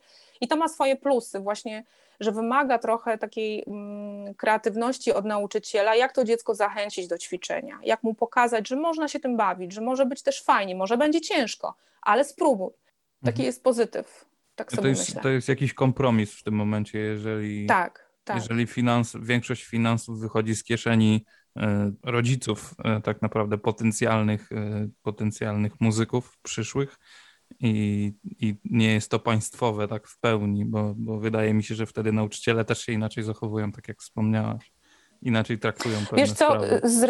być może, ale z reguły y, wyszło się uważać, że te państwowe szkoły są po prostu lepsze od prywatnych. Może właśnie dlatego, że jednak y, następuje taka selekcja, że albo się poddasz temu y, y, treningowi, albo, albo po prostu odpadasz, bo jesteś za słaby psychicznie. No to tak hartowała się stal po prostu wszystko ma swoje plusy dodatnie i plusy ujemne. No na pewno to jest zawód też dla ludzi, którzy mają e, wrażliwość e, wielką, wielkie serce, ale skórę nosorożca, absolutnie. Takie dosyć rzadkie chyba połączenie. Tak, tak. Rzadkie połączenie, ale wymagające też wielkiego wsparcia rodziców, czego też rodzice nie zawsze, e, nie, nie zawsze nie chcą zawsze zrozumieć. Tak. Ja miałam takie sytuacje, bardzo długo uczyłam dzieci i miałam na przykład takie sytuacje, że mieliśmy, nie wiem, za, w przyszłym tygodniu egzaminy, a dziecko wyjeżdżało na wakacje. Ja i dziecko prawie płakało rodzicom, że ono musi przecież poćwiczyć, no bo jak to panią Magdę zawiedzie i w ogóle tutaj przecież dobrą ocenę ma dostać rodzice, no ale myśmy już zapłacili na wyjazd tam na narty czy gdzieś, nie? A, a No, taki brak zrozumienia. A Odwrotnie, kiedy ambicje rodziców przerastają ambicje dziecka? Powiem Ci, że ja w swojej karierze pedagoga chyba nigdy się nie spotkałam z czymś takim. Raczej z taką e, ostrożnością, że no, zobaczymy, co będzie, że oczywiście pewnie by bardzo chcieli, żeby to dziecko okazało się wybitnie utalentowane, ale raczej to, to jakby ta odpowiedzialność jest na tym dziecku trochę. Mhm. Ale tak, ja, ja, ja na przykład jestem takim przykładem, e, na przykład przykładem em, dziecka rodziców, którzy, którzy mieli ambicje, żeby dziecko było, zostało w tym świecie artystycznym i, i po prostu grało, bo to wydawa, wydawało się, że to będzie super po prostu. Ale też e, absolutnie nie udzielili mi wsparcia. Nie chcę niczego imputować, no, ale e, nie skończyło to się jakąś krzywdą. Nie, nie chodzi mi oczywiście o fi- fizyczne, Tak, tak. fizyczne krzywdy. Nie, nie skończyło, ale sobie myślę, że ym, znaczy nie chcę teraz tutaj jakby wchodzić w jakiś taki element terapii, że miałam toksycznych rodziców, bo absolutnie nie. E, po prostu No to była też nie. e, nie, no mój tato nie żyje, no, także to tylko, tylko mama ewentualnie, ale nie, absolutnie myślę, że to raczej jest niewiedza, wiesz, niż, e, niż takie e, działanie z premedytacją. Mhm. Ale na koniec dnia to, to co powiedziałeś, że, że na, na złe nie wyszło, myślę, że to jest taka droga wędrówka bohatera, którą musimy my muzycy sami stworzyć, bo tak na koniec dnia ten mistrz, nauczyciel może nam wskazać tylko kierunek, w jakim mamy iść. Mhm. Ktoś, Mm, ktoś no, ale- daje tobie narzędzia, ale ty się uczysz Tak, posługiwać. tak. Mhm. Ale to do tej, do tej mądrości czy do tej świadomości to no, trzeba dojrzeć po prostu, bo, ale małemu dziecku trzeba po prostu pomóc Mhm. najnormalniej w świecie. Rozumiem. przeprowadzić go przez taki najtrudniejszy, y, na- najtrudniejszą rzecz, jaka właśnie jest no, naprawdę z usiedzeniem w jednym miejscu. Ta młodzież też już przychodzi troszeczkę inna, niemniej jednak e, w przypadku instrumentalistów jest tak, że to, to, to wykształcenie zaczyna się w wieku 6-7 lat e, i to też do liceum przychodzą po prostu inne osoby. Mhm. One już wiedzą, że trzeba, e, no, ile trzeba poćwiczyć, e, mają rozwiniętą pamięć słuchową, pamięć mechaniczną, wzrokową, analitykę też utworu. Potrafią analizować ten utwór, potrafią powiedzieć, czym się inspirują. No, są po prostu no, wykształcone już przez te 6 lat szkoły podstawowej w jakiś sposób. Natomiast w przypadku e, śpiewaków operowych, którzy zaczynają w wieku 16, 17, czasem 20, czasem nawet 25, bo y, można też zdawać do, do liceum czy nawet na studia bez przygotowania muzycznego, e, bez żadnej wiedzy muzycznej. Wyobrażacie sobie ten dramat. Mhm. E, to y, do, wieku 25 lat już trzeba mieć zgodę y, ministra kultury, z tego co pamiętam. E, No, to, to, to jest trochę słabo. To faktycznie takiego młodego człowieka, no nie chcę powiedzieć zmusić, ale wsadzać go w takie ramy, że on teraz właśnie powinien na chwilę się uspokoić, nie wpadać między, nie wiem, scrollowaniem Instagrama, a kolejnymi zajęciami gdzieś tam, tylko wyciszyć się, skupić i zaśpiewać, pobyć z samym, sam ze sobą, ze swoim ciałem, ze swoimi mięśniami, e, no to jest bardzo ciężko, coraz ciężej. A to jeszcze właśnie teraz miałbym pytanie. E, sama muzyka w zasadzie, jak ona przekłada się na twoje właściwie życie takie osobiste? To znaczy to, to skupienie, które tak naprawdę wymaga od ciebie, ten profesjonalne podejście do muzyki, e, te lata praktyki, te lata skupień, e, jak docelowo właśnie przekładają się na inne rzeczy? Czy one właściwie, podejrzewam, że to jest oczywiste, że one na pewno pomagają tak naprawdę w życiu, pomagają w nauce jakichkolwiek innych rzeczy, e, ogólnie rozwijają po prostu. Znaczy byłam głąbem matematycznym, o dziwo, Okej. a muzyka jest absolutną matematyką, a ja No takim byłam głąbem matematycznym. E, jednak bardziej muzykę brałam czując niż e, matematycznie. Mhm. Mm, Na pewno języki obce, tak. To języki Okej. obce, jeśli chodzi w ogóle o, o, o na przykład złapanie akcentu, to, to absolutnie muzyka tutaj super pomaga. Bo tutaj ten E, słuch bardzo tak, dużo- wyszkolony Mhm, po prostu tak, działa, tak? tak. Tak. Słuch też właśnie pamięć słuchowa, jakby wyczucie też melodii języka, złapanie tej melodii, bo każdy język się charakteryzuje no, swoją melodyką, tak? Mm, To, to, jest, to, to, jest, to na pewno bardzo ułatwia. No myślę też, że, że pamięć na pewno też nie mam, nie, po- nie powinnam mieć sklerozy i według badań nie powinnam wejść w tę grupę z Alzheimerową tam za jakiś czas. Właśnie Tak. przez to, że, że, że, że grałam na, na, na fortepianie. Ta koordynacja ruchów jest jednak naprawdę ćwiczona od dziecka. Prawa ręka gra co innego, lewa co innego. I... W ogóle przepraszam, jeżeli usłyszeliście jakiś tępy dźwięk tak ze dwa, trzy razy, ale walnąłem się. Zagrałeś coś, tak? Walnąłem głową w mikrofon. Próbu, prób, próbowałeś, czy nie jest za późno dla ciebie? Tak jest. Nie, to słuchaj, to wystarczyłoby, że się Jak ci odzywam. poszło? A w ogóle A możesz się, zagrać trochę głośniej, to ja bym oceniła może, czy poczucie rytmu jest. może lepiej nie. A w ogóle jeszcze chciałem jedną rzecz sprostować, bo powiedziałem, że e, Smurfy, intro do Smurfów śpiewał Andrzej Zaucha, wcale nie do, do, do, do tych, do Muminków, nie, do Do, Gumisiów do śpiewał. gumisiów, do gumisiów. No, do Gumisiów śpiewał Tak, Andrzej tak. Zaucha. Ja w, w ogóle zauważyłem, że te gumisie to ci bardzo jakoś tak głęboko w sercu leżą, bo już drugi Wiesz raz ja chyba- dzisiaj. Z tego co pamiętam, to e, z tego co pamiętam, to mama mi mówiła, że ba, bardzo, bardzo lubiłem misia uszatka, ale jakoś tego misie. No ja znam, ja w ogóle Bardziej. znam większość, większość tych wstępów do właśnie do bajek. Taką mam śmieciową bardzo pamięć. Oj, to ja, to ja również. Chyba wiele osób. Tak, nie jestem w stanie sobie przypomnieć, kurde, cyklu Krebsa, który mi pani bio, biolożka w liceum, a byłem w biochemię, łoiła przez 3 lata, ale pamiętam na wyrywki jakieś idiotyczne Pokemony z podstawówki. No, no to brawo. No brawo. No myślę, że- że- Gratulacje, Wiktor. Większość muzyków też się spotyka, szczególnie właśnie pianistów, e, jak idzie gdzieś na jakąś imprezę, gdzie siłą rzeczy pyta się, pytają się osoby, co ty robisz, no jestem muzykiem, wow, super, masz w ogóle zajebistą pracę, tak przyjemnie i w ogóle, a znasz taki utwór, taki na, na, na, na, na, na.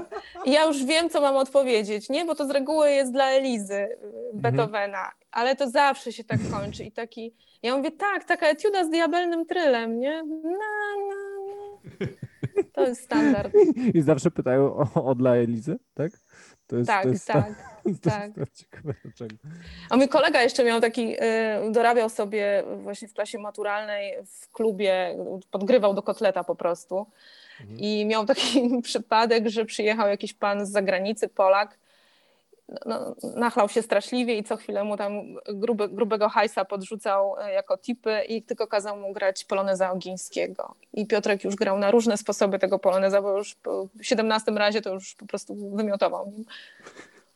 Jeszcze tylko chciałem wtrącić, bo już, już Magdzie pisałem o tym, ale wy chłopaki nie słyszeliście, co mi się śniło jakoś dwa dni przed tą dzisiejszą rozmową. Tak się przejąłem w ogóle tym, że będziemy z Magdą rozmawiać, że nie dość, że sikałem co pięć minut, to jeszcze mi się śniło coś takiego, że na Ale świecie... przez sen sikałeś? Słucham? No Przez sen? No na szczęście nie, na szczęście Ale nie. nie- słuchaj. Ale Wojtek, nie masz takich reguł, że nie sikamy do łóżka? No właśnie, Wojtek, jak to jest u ciebie? Nie sikamy Ni- do łóżka. Niczego, nie, no, niczego no, no. nie ustalaliśmy z Martyną. Pewnie byłaby zaskoczona, ale nie wiem, może kiedyś, może kiedyś spróbuję w końcu.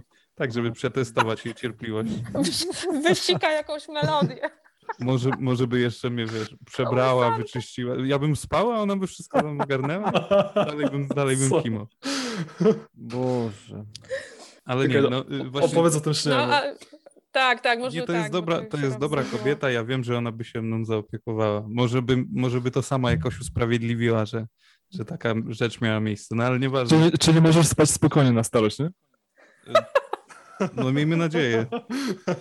Miejmy nadzieję, że jako starzec w ogóle będę spał, wiesz, sypiał, nie? Że, że Że nie sen będzie czymś normalnym u mnie, bo jednak jak, jak zauważysz, to osoby starsze to mają, e, mają to do siebie, że ty wychodzisz o 5 rano, No tak. nie śpią, wracasz do domu o 24 i nie śpią, także to W sumie nie wiadomo, normalne. kiedy jeszcze, a kiedy już nie śpią, nie? Tak, dokładnie.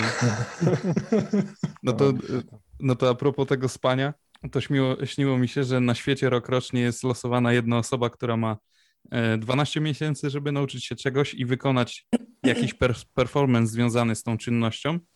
I wszystko jest celem udowodnienia, że człowiek no, potrafi e, po prostu zrobić coś. jeżeli jest taka potrzeba. No i jakoś trafiło na mnie, nie wiem kto to wybierał, ale po prostu trafiło na mnie. No i przypadło mi zagranie na fortepianie jakiegoś, nie wiem, jakiegoś powalonego sowieckiego utworu. No i się zgłosiłem do Magdy, żeby mnie nauczyła. E, Zgłosiłem się do niej po nauki, bo jest jedyną osobą, która, e, którą znam, jaka gra na, na fortepianie. E, No ale problem w tym, że no nie miałem ręki, nie? Tutaj był, tutaj był No, ale, ale udało nam się, udało nam się y, y, na szczęście i sam Putin nam gratulował po występie.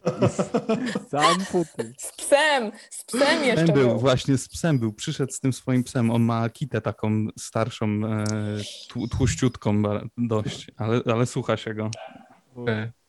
Ale ja mam pytanie w ogóle, co się stało z twoją ręką? Bo jakby to było taki... Nie mam pojęcia, nikt mi tego nie wyjaśniał. Stary Ale dopiero, obu- dopiero zwróciłeś uwagę przy występie, że jej nie masz? Czy, czy prostu przygotowywałeś się Słuchaj, do to- występu? Nie, może to, było, to była forma eksperymentu po prostu. Nie, ta kwestia braku ręki, Człowiek wszystko może nawet. Tak, tak. Rosyjski Ta kwestia- eksperyment tak- motyw, motywacyjny. Rosyjski eksperyment, tak. nie, ta kwestia braku, dodajmy. ta kwestia Nasi braku ręki, obywatele grają na fortepianie bez ręki. Są tacy dobrzy. Tacy dobrze. chciałem tylko Ale były powiedzieć, utwory pisane na, na jedną rękę. No, O, to już proszę bardzo. mówiłam O, no to mów, to moje tak, nieważne. Na tak, klawesynie. tak.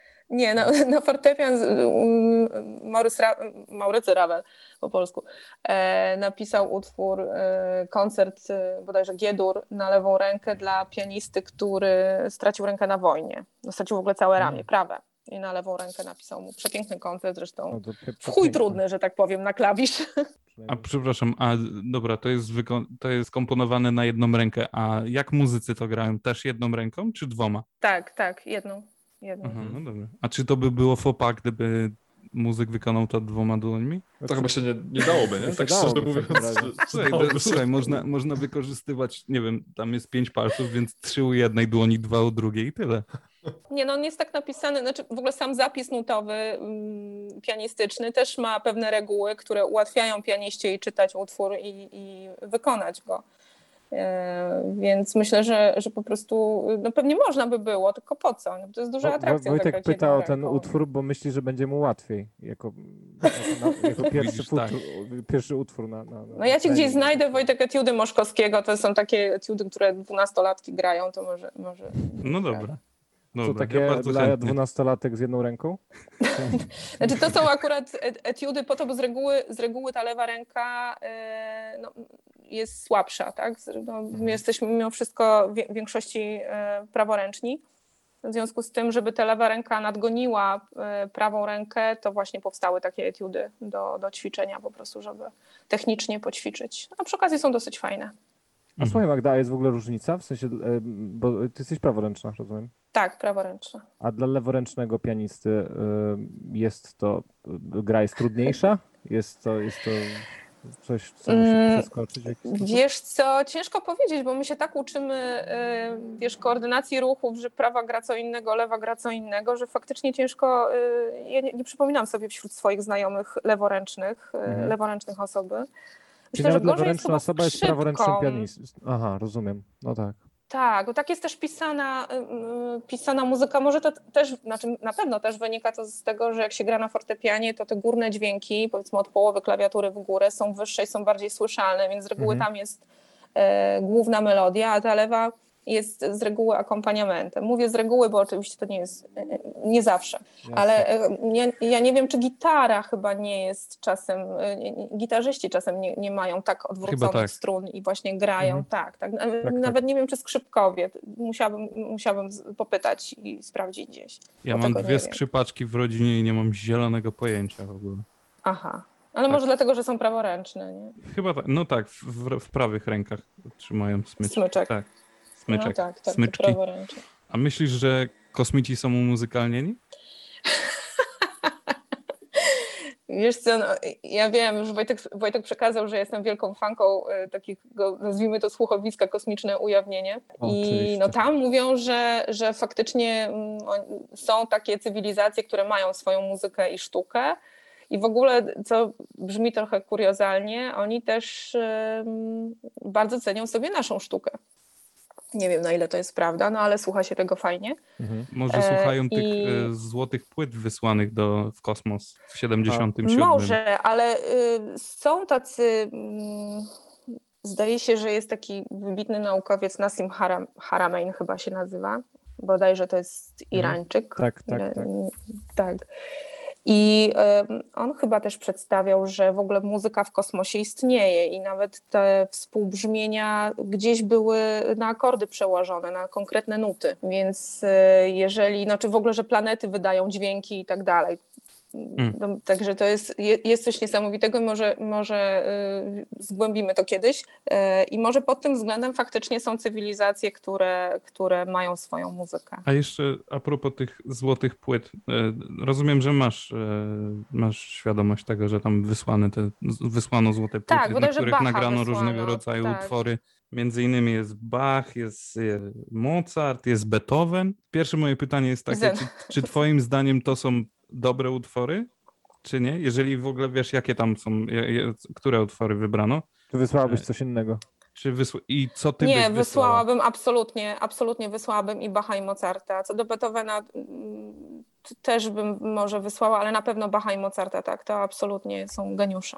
To, Ale jest, myślisz, że to jest naprawdę oni- kosmos. Oni godnie reprezentują jakby też e, no, może ludzkość, czy tak Wiecie powiem? co, to jest trochę tak, że mm, z tego co mi wiadomo, w kosmosie głównym językiem jest matematyka. W przypadku Bacha absolutnie to jest czysta matematyka, jeśli chodzi Mhm. o y, bachowskie współbrzmienia, utwory, sposób w ogóle podawania frazy, pokazywania frazy, grania frazy muzycznej, to absolutna jest matematyka.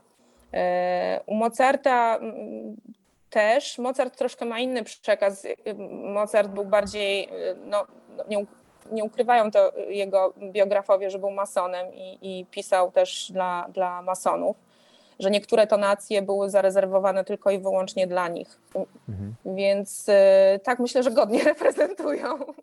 Absolutnie. Czyli tutaj byłaby taka matematyczna nić porozumienia. Tak, myślę, że to jest kwestia tego, że po prostu y, ta, ta muzyka byłaby zrozumiała po, Mhm. dla, dla innych cywilizacji, jeżeli faktycznie to jest prawda, że są. No, myślę, że tak. To Myślę, idąc tym tak. tropem, mam takiego suchara, że e, najpopularniejszym instrumentem wśród kosmitów jest kalkulator. Kalkulator. Wszyscy się Akurat. śmieją, tak. Wiedziałem, że tak będzie. Wiedziałem, że tak będzie. Zaryzykowałem. Wiesz co, Wojtek, wkleimy później dźwięk z sitcomu jakiś. O, dobra. O, takie, wiesz, oklaski. tak, tak. Ale może to też był taki, wiesz, nie, bo ja się, Wojtek mu pytał się mnie, czy znam jakieś anegdoty y, o muzykach i takie, i tak sobie uświadomiłam, że w sumie znam świetne dowcipy branżowe, z których się właśnie jak opowiadam na imprezach nikt się nie śmieje, nie, bo one są tylko zrozumiałe. Muzyków. E, takim dla muzyków i takim moim ulubionym dowcipem, jeżeli jeszcze mamy czas i mogę opowiedzieć, Tak, jestem to jest po czym, po czym poznać, że podłoga filharmonii jest krzywa. No. Po tym, że altowioliście ścieka ślina z kącików ust. No i teraz my się oczywiście śmiejemy strasznie, nie? To jest w ogóle Ja straszna się beka. śmieję, dla mnie jest tak absurdalne. W sensie w ogóle nic nie rozumiem, ale śmieszne to jest No właśnie. No i teraz muszę cały background wyjaśnić, stąd moje pytanie, czy mamy jeszcze chwilę czasu. No. Ale Tak, to to są tak. takie trochę większe skrzypce. I jakimś, równie trudno się gra na, tych, na tej altówce jak na skrzypcach, ale jakimś e, dziwnym sposobem em, zawsze altowiolistami zostają nieudani skrzypkowie, czyli na przykład takie dzieci, które dorosły już do tej altówki, bo też musi ręka oczywiście dorosnąć do, do e, większych skrzypiec, no ale są nie najgorsze na przykład z kształcenia słuchu, z jakiejś tam właśnie harmonii, z chóru, ładnie śpiewają, nie najgorzej na tych skrzypcach grały, ale nic, nic wybitnego. No i właśnie w wieku tam trz- 12 czy 13 lat przechodzą na altówkę, czyli tacy słabi skrzypkowie przechodzą na altówkę i stąd właśnie dowcipy branżowe o altowiolistach, że... No i to też a propos etiudy z diabelskim trylem właśnie, że to dla altowiolisty jest etiuda z diabelskim trylem, no bo on tak wolno tymi paluszkami tam na tych strunach. No i ja się już śmieję, nie? Ale to nikt więcej. Wyprowadziłaś mnie, wyprowadziłaś mnie z błędu po wielu latach, bo zawsze myślałem, że y, altówka jest mniejsza niż zwykłe Nie, nie, skrzypce. większe, większe. Ale to chyba ta nazwa To robi było- swoje. Że altówka Jest troszeczkę niższe, czymś- niższe brzmienie, nie? Z, mm, nie, nie, nie. To są większe skrzypce, nazwijmy to większe skrzypce i one mają niższy dźwięk altowy, tak? W innym kluczu grają, e, czy czyta się nuty, nuty są zapisane w innym kluczu, w altowym. Ja Ale tak bym- właśnie o altowiolistach jest najwięcej Mhm. dowcipów. A dlaczego? Okej. To jest jakiś... E... Aha, dobra. No myślałam, że dobra, właśnie dobra. wyjaśniłam. No właśnie wyjaśniłaś, dobra, musiałem to, musiałem to przetrawić, przepraszam. Ja cały czas, No. wiesz, y, przyjmuję na klatę to, że nikt się nie śmiał z mojego żartu i teraz będę troszeczkę wycofany. Ale wiesz, ja jestem, ja jestem tylko muzyk, kalkulator mi się kojarzy z matematyką, jak już wiecie, mam głąbem matematycznym, więc ja się zaśmieję, jak mi mąż wytłumaczy, albo nad ranem, nie? Wojtek, a ja będę dla ciebie bardziej surowy, bo ja się śmiałem z żartu o altówce. No widzisz, chociaż ty, Chociaż go nie rozumiałeś, tak? chociaż Chociaż go ty. nie. Ja się, ja się nie śmiałem, bo kompletnie nie zrozumiałem. Jeszcze ten altowiolista mnie całkowicie wyprowadził z, z jakiegokolwiek rozumienia, bo nawet nie wiedziałem, że to się tyczy altówki, że to jest osoba grająca na altówce. Altuwiarz, Altuwiarz? altuwiator. Altowiatu. Czyli, czyli widzisz, kolejna obraza, zamiast powiedzieć do kogoś ty klawesynie, to możesz ty altowiolista. Ty altowiolisto. Ze Czemu to musi być takie skomplikowane? Ja Ale tak to jeszcze... też jest trudnym instrumentem, co ciekawe, więc A? zupełnie nie rozumiem, dlaczego tak się stało, no ale tak już jest, taka jest tradycja wykonawcza i zawsze się trzeba śmiać z altowiolistów i wszyscy muzycy się śmieją. No dobra, jeżeli osoba grająca na alto, altówce jest altowiolistą, to jak nazwać osobę grającą na lirze korbowej na przykład? Na czym? Lirze korbowej, to lira korbowa. Liryk korbowy. O, Lirek, liry. Znaczy ja nie wiem, czy my teraz już te zaimki możemy męsko, mę- męskie i damskie, to liryk korbowy chyba będzie. I liryka. Liryk i liryka. Lir... Nie, chyba jako muzyk, no bo ja nie powiem o sobie muzyczka, no to jakoś słabo brzmi, mu, muzyk, no to też liryk, nie? Kobieta, liryk korbowy. Ja w ogóle nie wiem, jak lira korbowa wygląda, ale to sobie zaraz wygoogluję. Zaraz po tym, jak się pośmieję z kalkulatora. Wygląda jak hybryda, słuchajcie, y, kalkulatora właśnie i skrzypiec. z korbą. I To jest kalkulator na korbę, stary. Jakiś, tak, jakiś tutaj, e, jakiś wrzeciono jeszcze tu jest wplecione w tą konstrukcję. Ja, ja nie wiem, ja nie wiem nawet jak się, o, oglądam właśnie zdjęcia. Ale ja już na przykład Wygląda wiem, wiem, imponująco. Wiem dokładnie, czego dzisiaj będę słuchał na przykład. Tak. Liry korbowej. Liry korbowej. Dokładnie. Ja, Wojciech, ale to jest jakiś rosyjski artefakt, prawda? ja nie mam zielonego pojęcia. Ja tobie Bo mówiłem, że ja mam śmieciową, ja mam śmieciową pamięć i ja ta, takie rzeczy do, trafiają do mojego mózgu, gdzieś tam chowają się za szafami, za szufladami z, I wiesz, wyskakują w nieodpowiednich momentach. z odpowiednią wiedzą, z taką wartościową i, i, i wiesz, i tak właściwie to przejmują kontrolę nad wszystkim. Nie? Zanim ale- dotrę do zakamarków y, tych, tych wartościowych rzeczy, to najpierw muszę się przebrnąć przez żart z kalkulatorem, lirę korbową, y, muzykalnionych, muzykalnionych kosmitów, kanie co Czekaj. Teraz Czekaj, jeszcze, Wojciek. teraz jeszcze altowiolista. No to- Tak, jeszcze teraz altowiolistę będę miał w To, głowie. to człowiek. zarządzam 10 minut przerwy, poczekamy na Wojtka w takim razie. To, stary, to na mnie czekasz od półtorej godziny. Mnie jeszcze, mnie jeszcze nie ma podczas tej rozmowy. Dobrze. e, Magda, Znowu taka niezręczna cisza nastała. Taka nie, no bo tak, bo tu tryb, Czasem trybimy, dobrze nie? pomilczeć w dobrym towarzystwie. Milczenie jest Tak, złotem, oczywiście. jak to mawiają. Ale A propos, e, tak, przepraszam. Wiktor, że ci się wtrącę, bo się. muszę, bo a propos tego milczenia i tej ciszy, to są te dwa, Mhm. utw- dwa utwory chyba są, te związane z ciszą?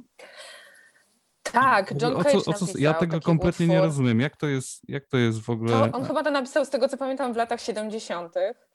I wszystkie odgłosy, wszedł pianista na salę, usiadł przy fortepianie i bodajże 3 minuty on trwa coś tam, 11, bo tak nawet tytuł jest chyba od 11 czasu. minut ciszy, Musiałabym tak. sprawdzić teraz.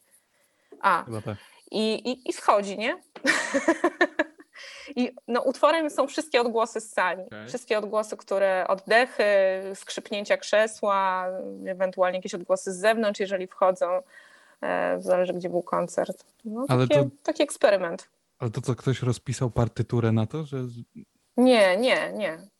Nie. w ogóle- Chociaż ja nie nie wiem, roz- szczerze powiedziawszy, nigdy tego nie, nie widziałam, Ja ale nie wiem, że rozumiem, taki utwór istnieje. Nie rozumiem, jak to może być tak po, poważnie traktowane w kanonie muzycznym, że facet siadł, beknął, piernął, ktoś na widowni podrapał się po głowie i to jest, to jest muzyka. Klaszczcie. No, klaszczcie, nie? I wziął za to pieniądze. To jest najgorsze. O, to jest dobre, że ktoś wziął za to pieniądze. Ale wiecie co, no, no jakby takie podejście też do w ogóle sztuki eksperymentalne jest dosyć ciekawe. Oczywiście na pewno dla słuchacza może mniej, ale dla samego y, artysty e, taka, no, z reguły artyści się inspirują światem zewnętrznym.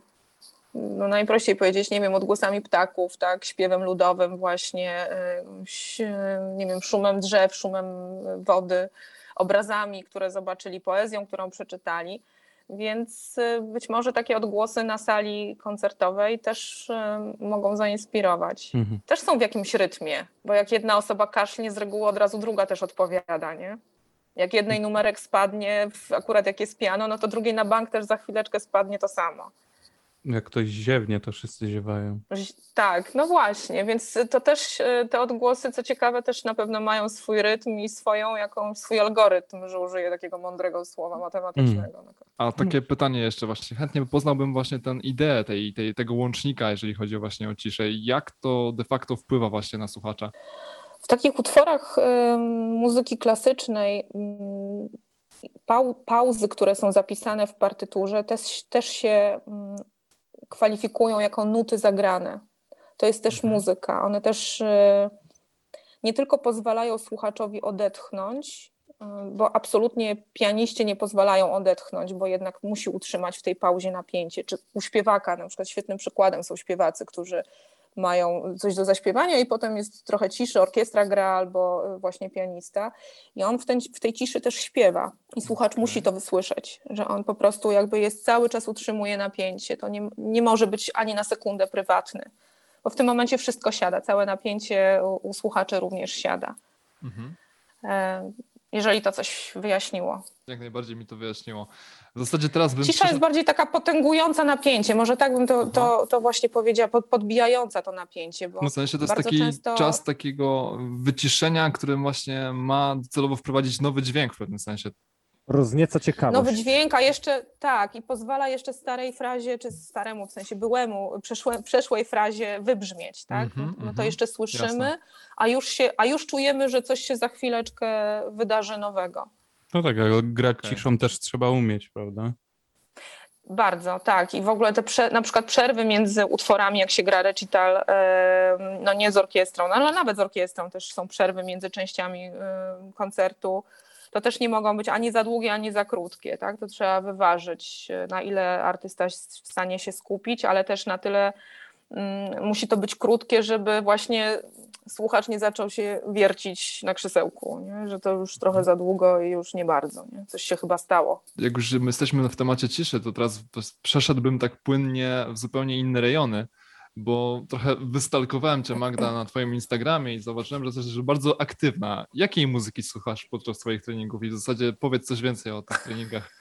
Z czego to wynika? Jakby to jest taka ogólnorozwojowa pasja, że każdy muzyk też ćwiczy, czy, czy jak to właściwie działa? E, O których treningach mówisz? E, no właśnie, bo widziałem też i jakieś elementy Krav Magi w zasadzie tak, czy boksu. Nie jestem przekonany teraz, czy to był, czy to była jedna, tak, czy to ja, druga. ja, przez, ja przez 6 lat trenowałam MMA. Okej. E, trenowałam co prawda elementy takie bardziej stójkowe, właśnie ze względu na to, że trafiłam do klubu, gdzie e, trenowali sami zawodnicy, między innymi Janek Błachowicz, który zresztą był moim pierwszym trenerem. Mhm. I, i pier, pierwszych kilka, e, kilkanaście treningów miałam właśnie z nim. Potem To z em, wysokiego Janek C wystartowałaś. E, Ale on jako trener z niskiego, bo, to, bo chyba byłam jedyną osobą, którą trenował i chyba w jego życiu nie było więcej, no na pewno nie było wię- więcej kobiet, które trenował. Była to super przygoda. E, Potem trenowałam właśnie z jego, z jego trenerem, z Robertem Joczem. E, I też było super. Tak, no to, to był taki mój czas, kiedy ja psychologicznie musiałam stanąć, psychicznie musiałam stanąć na nogi po prostu po takim dosyć trudnym wydarzeniu w moim życiu i bardzo mi to e, pomogło. E, Trochę nieodpowiedzialnie ze względu na ręce, ale faktycznie e, robiłam tak, że po prostu jak miałam jakieś e, trudniejsze granie, czy to koncert, czy jechałam na konkurs, czy po prostu egzaminy były, to na jakieś trzy tygodnie wcześniej po prostu przerywałam treningi i albo tylko kopałam na przykład i, i wtedy te ręce odpoczywały. Jak tam się... W ogóle tym nie E. pomyślałem, o palcach pianisty. No, Musiałeś się prawda. porządnie tejpować już od samego początku. Tak, tak. I, i Nauczyć ćwiczyłam i też, też, e, tak, i trenowałam też w rękawicach bokserskich, nie trenowałam Mhm. w tych e, rękawicach do MMA. Graperskich. Właśnie Mhm. z tego, z, tak, tak, właśnie z tego, z tego powodu. Chociaż zdarzały mi się też treningi, jak na przykład nie miałam jeszcze rękawic albo na, na próbę, ale faktycznie te ciosy już wtedy, no to już wtedy naprawdę były dobre ciosy Mhm. e, i wiedziałam, że mi się nic nie stanie, tak, no to już umiałam bić. I, No tak, tak. i On, te- no, nas mhm. w pierwszych, w pierwszych etapach zawsze treningu jest problem z, tym, z, tą, z tą skrzywioną pięścią. E, Tak. Każdy czasami coś tam się. Ale to raczej kontuzje nadgarstka wtedy się pojawiają, aniżeli palców. Ale to i tak jest, chyba niszczące dla pianisty, tak czy siak. Jest, jest niszczące, chociaż oczywiście no ja to robiłam totalnie mm, jakby mm, hobbystycznie i absolutnie nie miałam żadnego, może, może miałam jakiś jeden sparring e, z, z takim e, też jednym z zawodników, ale to też tylko w formie fanu niż e, walki. E, Ja to traktowałam jako taką ogólną rozwojówkę po prostu. Zamiast siłowni, zamiast e, jakiegoś crossfitu, to, to było to. Dostawałam skrzydeł, naprawdę, było, było super. Po sześciu latach mi się troszeczkę y, znudziło już i też y, miałam akurat więcej rzeczy do grania. Robert z Jankiem, y, no Jan, Janka kariera po prostu poszła do przodu i bardzo dużo wyjeżdżali, plus jeszcze miał w swojej grupie innych zawodników, więc te nasze treningi się po prostu rozmyły, no i tak, tak się rozstaliśmy. Ale no, fantastyczna przygoda. Załóżmy, że dzisiaj, no nie wiem, no niech KSW przychodzą do ciebie, podpisują cię, masz swoją Fa- pierwszą... famę, tak? Czy jest, czy coś takiego jest, y, Tak. że No celebryci fame, walczą? tak. Tak, No, tak. no nie, A, fame, bądźmy, okej. bądźmy poważni. E, KSW przychodzi do ciebie, podpisują cię, no i masz swoją pierwszą walkę i wychodzisz. Do jakiego utworu wychodzisz na walkę? A, dobra, no. A, to jest dobre pytanie. Mm, Zenek, tak? Zenek Nie, nie, Zenek nie. Coś z klawesynem. z klawesynem. Z altówką. O, altówka, klawesyn i lira korbowa. Pomyśleć, m- myślała, Ma- madrygał musiałabym pomyśleć, czy, czy bardziej pójść w muzykę właśnie klasyczną. Jeśli tak, to chyba bym poszła w ten lot Walkirii, czy w piosenkę. A, a w jaką piosenkę? Hmm. No musiałabym, nie wiem, teraz mi nic, nic takiego nie przychodzi No bo energetycznego to zawsze głowy. tak jest, jak mnie pytają, o jaki jest twój ulubiony utwór. Tak. Chociaż każdego No dnia właśnie. myślę, że y, gdzieś tam przez myśl mi przemyka ten mój ulubiony utwór, to jak ktoś mnie zapyta, to nigdy nie Ale powiem. to wiesz co, to chyba też nie chodzi o, ulu- nie tyle o ulubiony utwór, to, czy, czy, Tylko taki utwór, adekwatny. który ci doda mocy, nie? No Bo tak, to też, tak. też y, to musi być coś, co z tobą zarezonuje bardzo. E, I to y, musi rezonować w konkretnym celu. Ty masz się zmobilizować na te 5 minut walki e, Mhm. i ta muzyka musi cię po prostu wprowadzić w taki stan jak trochę kotwica taka, że po prostu słyszysz Mhm. ten kawałek i jesteś już mega zmobilizowany. Czyli to jest kwestia po e, prostu wiem- osobnicza, na każdego co innego działa. Tak, to absolutnie tak, absolutnie tak. To Ale musi być taki utwór, podać jakiś taki najgorszy utwór, jaki słyszałaś na wejście? No właśnie, bo też chciałem to zapytać. Rozumiem, Bo ja że ty śledzisz. Nie, czy, czy tylko Janka oglądasz? W sumie, w, nie, KSW nie oglądam. E, tak, w sumie, w sumie chyba Janka. Ja byłam zdziwiona jego wyborem e, muzyki do czterech pancernych, bo ona mi się wydawała taka bardzo e, nostalgiczna. Spokojna, prawda? Też się E, tak, taka spokojna. Ale potem sobie pomyślałam, że Rudy 102 A to jest szlagier wszystkich nie? I się kibiców jednak. sprawdziło, nie? To jest szlagier wszystkich Tak. kibiców jednak i wszystkich nawalonych. No tak samo jak na- Seno na- w Warszawie, nie? No, le, Tak. legioniści mają, to jest jednak wielka moc, tak. No i wszyscy E. pijani faceci o trzeciej w nocy też śpiewają deszcze niespokojne, także to chyba całkiem normalne. Ja mam tutaj taki y, po drugiej stronie kamienicy skwerek, na którym właśnie w weekendy przesiadują chyba sądząc po głosach młodzież i no i czasem właśnie śpiewają, e, może deszcze nie, ale właśnie ten sen o Warszawie ostatnio zaprezentowali całej dzielnicy Mokotów, tak było dosyć wesoło. A, bo ty jesteś na Mokotowie zlokalizowana? Ja jestem na Mokotowie, tak, Moko. A, ja Moko. Ochota. I tutaj też folklor O, buszuje. no proszę. No, tak jest. U, u mnie, u mnie co Ale nie jestem z Warszawy, ma, ja jestem ale... słoik, z- słoik, słoik Ty typowy. słoik jesteś typowy. A nie, Słoik ja jestem, jestem tak. warszawski słoik, bo się śmieję właśnie, bo przeprowadziłem się z Ursynowa na Ochotę, ale czasami jak coś potrzeba, to do rodziców do Ursynów jeszcze. Więc taki słoik, Aha, no ale super. krótki zasięg swoictwa mam. Taki bardzo egoistyczny, nie? Tak, tak. Nie, ja jestem oryginalnie z Wrocławia. O, super. Ja bardzo lubię Wrocław. Ja uwielbiam. Przepraszam cię, Szymon, Poznania w ogóle nie trawię, ale Wrocław bardzo lubię. A, dziękuję ci bardzo. Poznań jest... Nie, no słuchajcie, Poznań jest Ale mamę mam z. Poznania, także mam korzenie poznańskie, bo O, mam sporą rodzinę pod Poznaniem, tak. Szanuję jak I najbardziej. Nawet tam, tak, i nawet y, mój dziadek tam ma gdzieś tablicę pamiątkową w Poznaniu, znaczy przy operze jest, y, był harcmistrzem szarych szeregów i to zginął w obozie, więc tam jest też tablica. O, proszę bardzo. Szary Także z szeregi, tym nie Poznaniem to szeregi uważajcie. szaraków. Nie, ja bardzo lubię Poznań. Tak, I to tak. nie mówię teraz, żeby mnie przestraszyłaś groźbą, ale, ale bardzo lubię, bardzo lubię. I nie rozumiem, dlaczego poznaniacy e, twierdzą, że tam się nic nie dzieje, i że to jest małe miasto i nudne i w ogóle. Tego to nie wiem, natomiast y, legendy o, o charakterze poznańskim absolutnie są potwierdzone, bo moja mama jest taką typową pyrą poznańską i em, zawsze się śmiałam, jest, naprawdę bardzo oszczędna, żeby nie powiedzieć, e, że ocierająca się o krakowskie skąpstwo. I e, zawsze się śmiałam z niej, że ona mi instrument kupiła tylko dlatego, że mieliśmy właśnie naszym sąsiadem, który poniekąd pokierował moją drogą muzyczną, był dyrektor szkoły muzycznej. I gdyby nie to, to ona by mi kupiła instrument dopiero jakbym się nauczyła grać. także, także pyra poznańska absolutna. A wiesz, jakie masz korzenie? W sensie twoi przodkowie skąd pochodzili?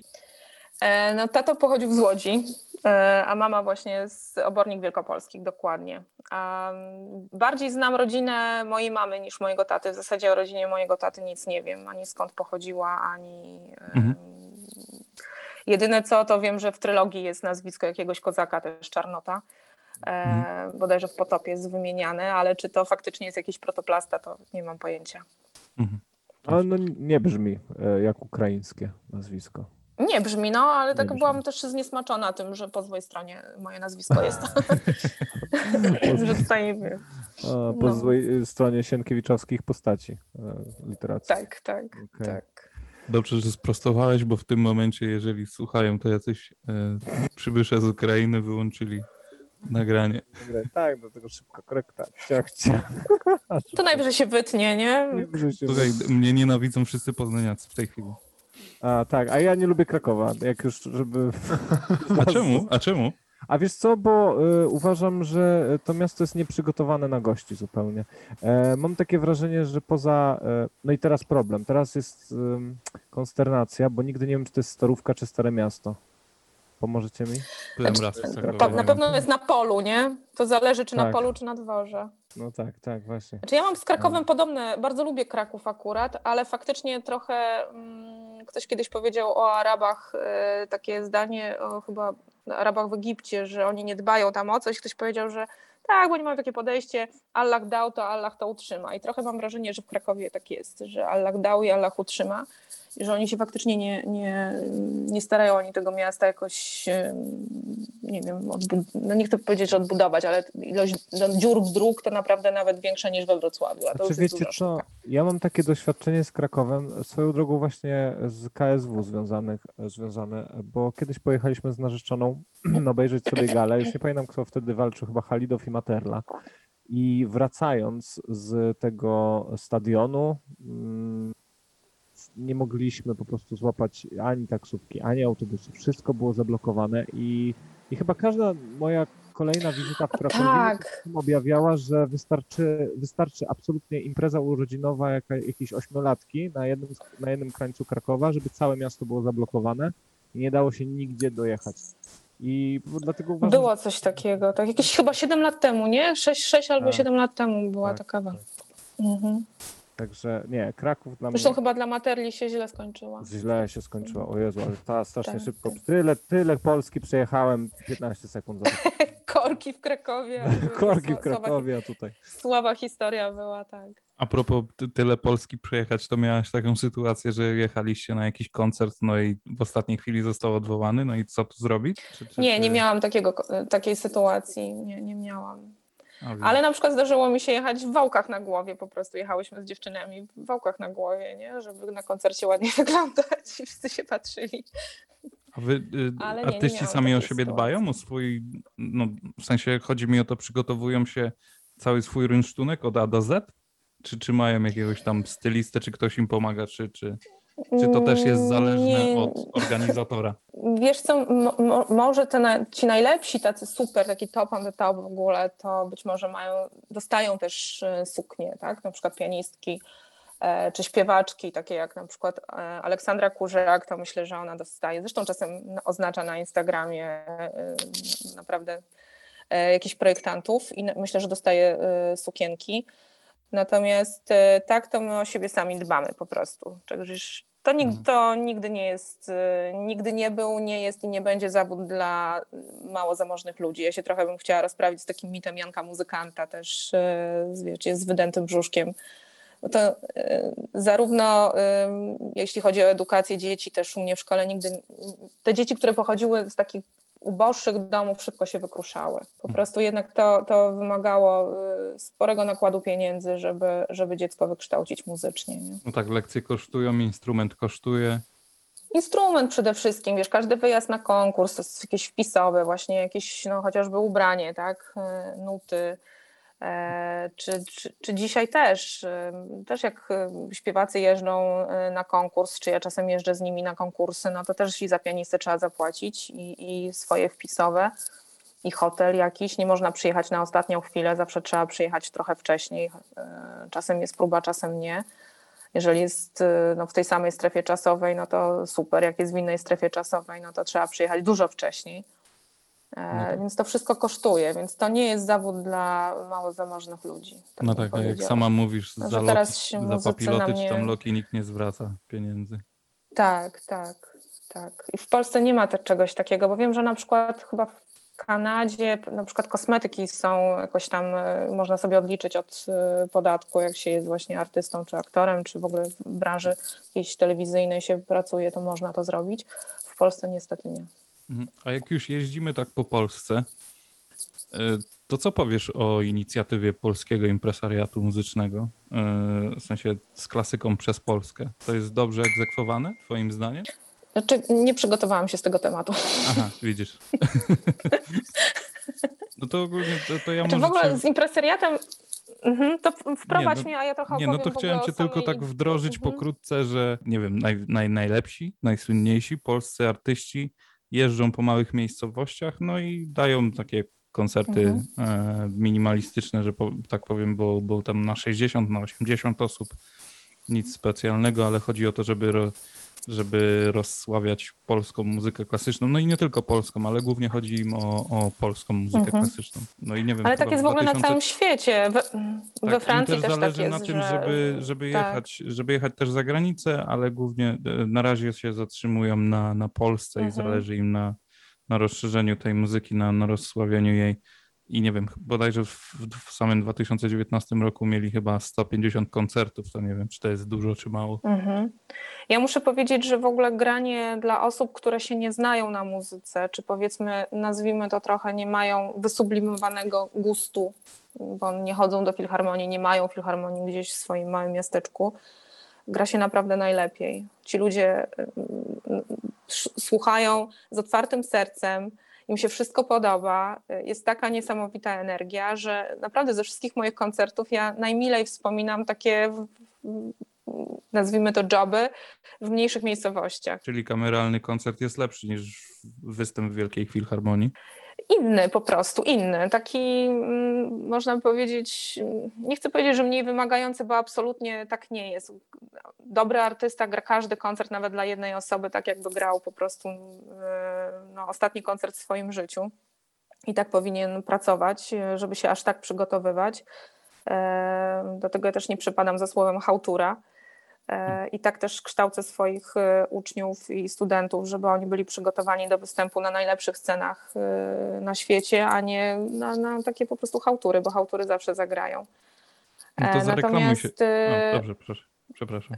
Natomiast wiesz co, sam koncert w Filharmonii trochę jest po prostu no, inny, zupełnie inna energia jest niż na takim koncercie, nie wiem, w Gostyninie czy w Mławie, kiedy no po prostu ci ludzie się niesamowicie cieszą. E, Oni nie oceniają też e, jakoś. e, Gra się z takim większym luzem, z większą swobodą po prostu.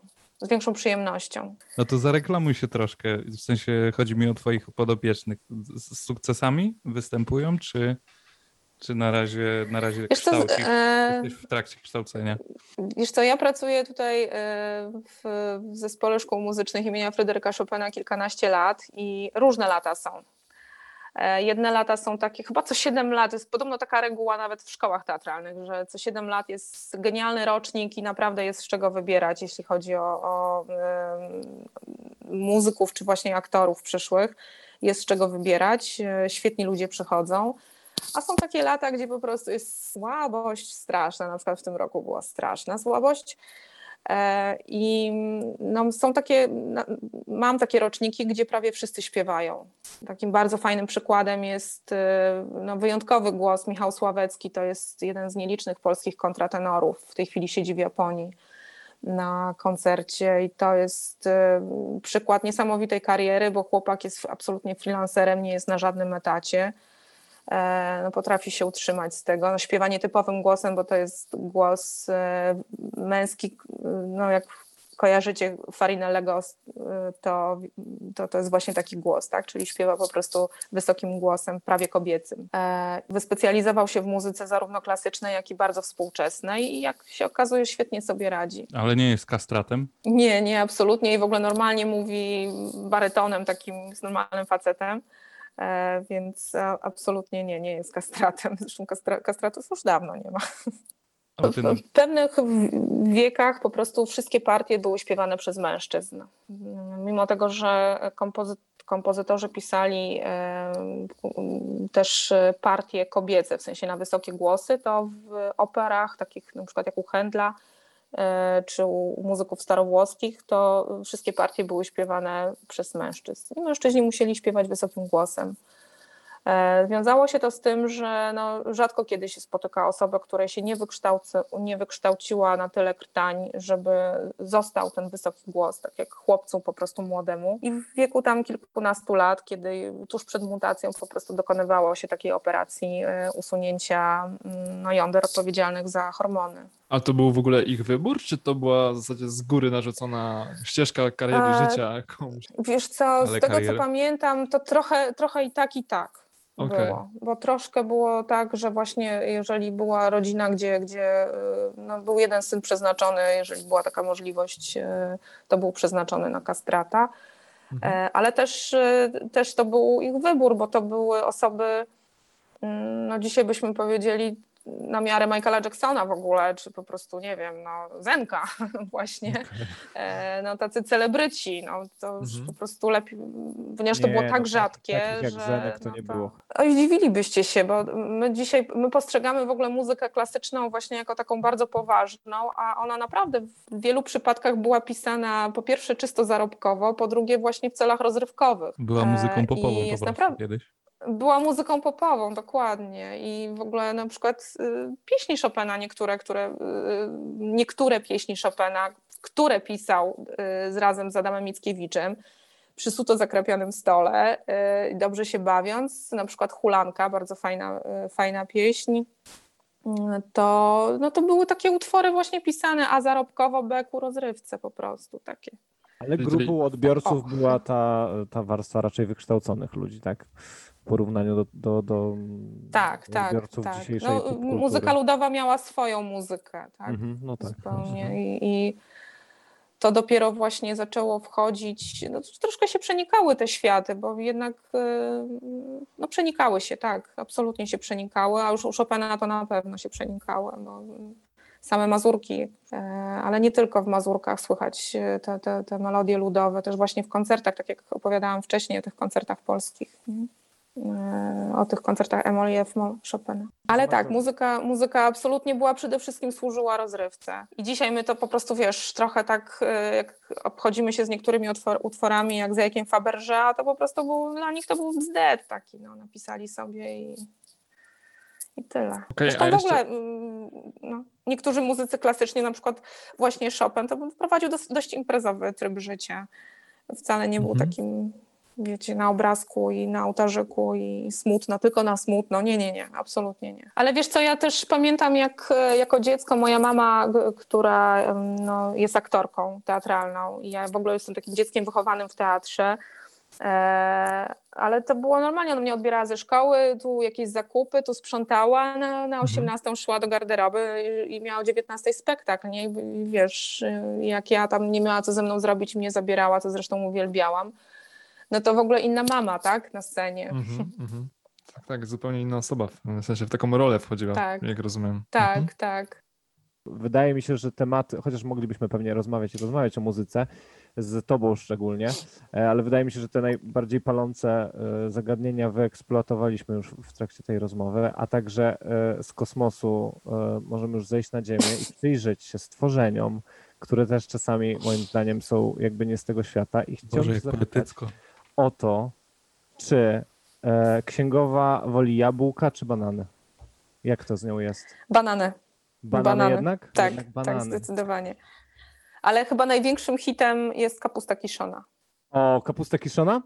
No, no to nie wiem. to Tak, one jak widzą chyba- kapustę kiszoną, to jest po prostu taki ślinotok. A truskawki? e, Że A to moja narzeczona też tak reaguje na kapustę Truskawki kiszoną.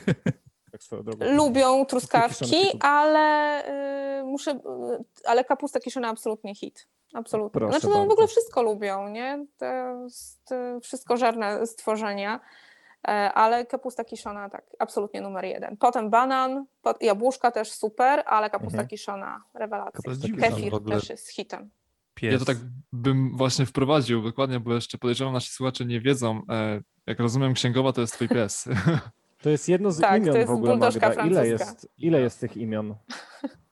Bo są dwa psy, ale jest, No jest- więcej imion niż dwa na pewno. Tak, tak, dokładnie tak jest. Dwie są buldożki francuskie, dynia oryginalnie, czyli księgowa. E, Księgowa się wzięła z tego względu, że odkąd zaczęłam z moimi psami trenować noswork, czy najpierw zaczęłam trenować e, ze względu na młodszą e, buldożkę, kawę, która okazała się bardzo nadpobudliwym psem. I ten noswork niejako terapeutycznie się trochę pojawił w naszym życiu.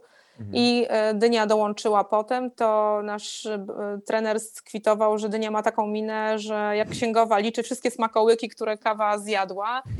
No i tak zostało już księgowa, nie? I to już jest księgowa, ale jest oprócz tego jest pączuszkiem, pierożkiem i, e, I chodakowską tam- chyba też.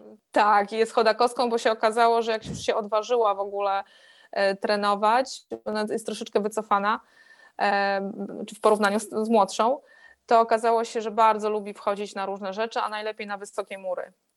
O, Kiedyś, proszę. no ledwo żeśmy, tak, tak, kiedyś mieliśmy niebezpieczną sytuację, bo nam skoczyła e, chyba na zamku Czocha na jakiś taki wysoki mur i dobrze, że była na smyczy, bo by po prostu O przeskoczyła. Jezus Maria, to jest mój koszmar.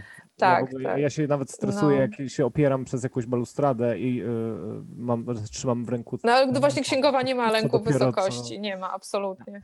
A słuchaj, bo właśnie miałem zapytać. Natomiast o... Kontynuuj, przepraszam.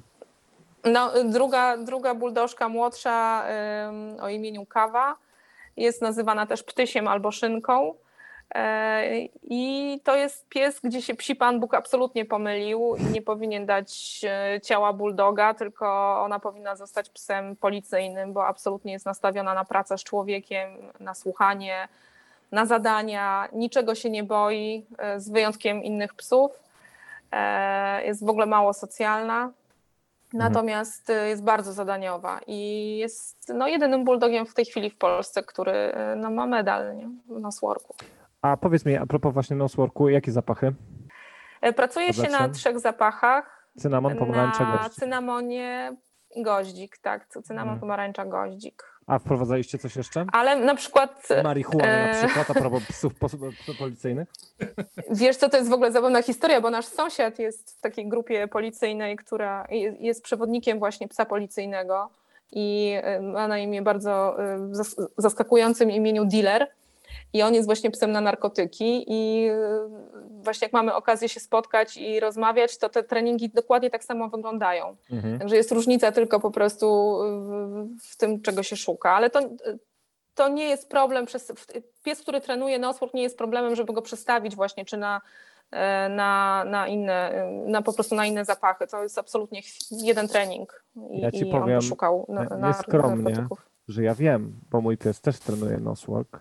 Mamy labradorkę, która też zasuwa i też właśnie na pomarańczy goździku i no na tych klasycznych, ale nigdy jeszcze nie wprowadzaliśmy, Tak. dlatego chciałem się zapytać, czy macie jeszcze jakiś zapaszek dodatkowy na jakieś specjalne okazje, że tak powiem. Znaczy, pracuje się też e, na, ty, pracuje się na tych trzech zapachach, ale wykorzystuje się inne zapachy, to są te, tak zwane zapachy zwodnicze Mhm. e, i pies, e, no dobry pies musi jakby ominąć zapach jedzenia, czy z, nie wiem, Mhm. skóry lisa na przykład, albo nawet tam, nie wiem, no jakieś wydzieliny z cieczki suki, tak, na przykład powinien ominąć i, i, i znaleźć ten zapach właściwy.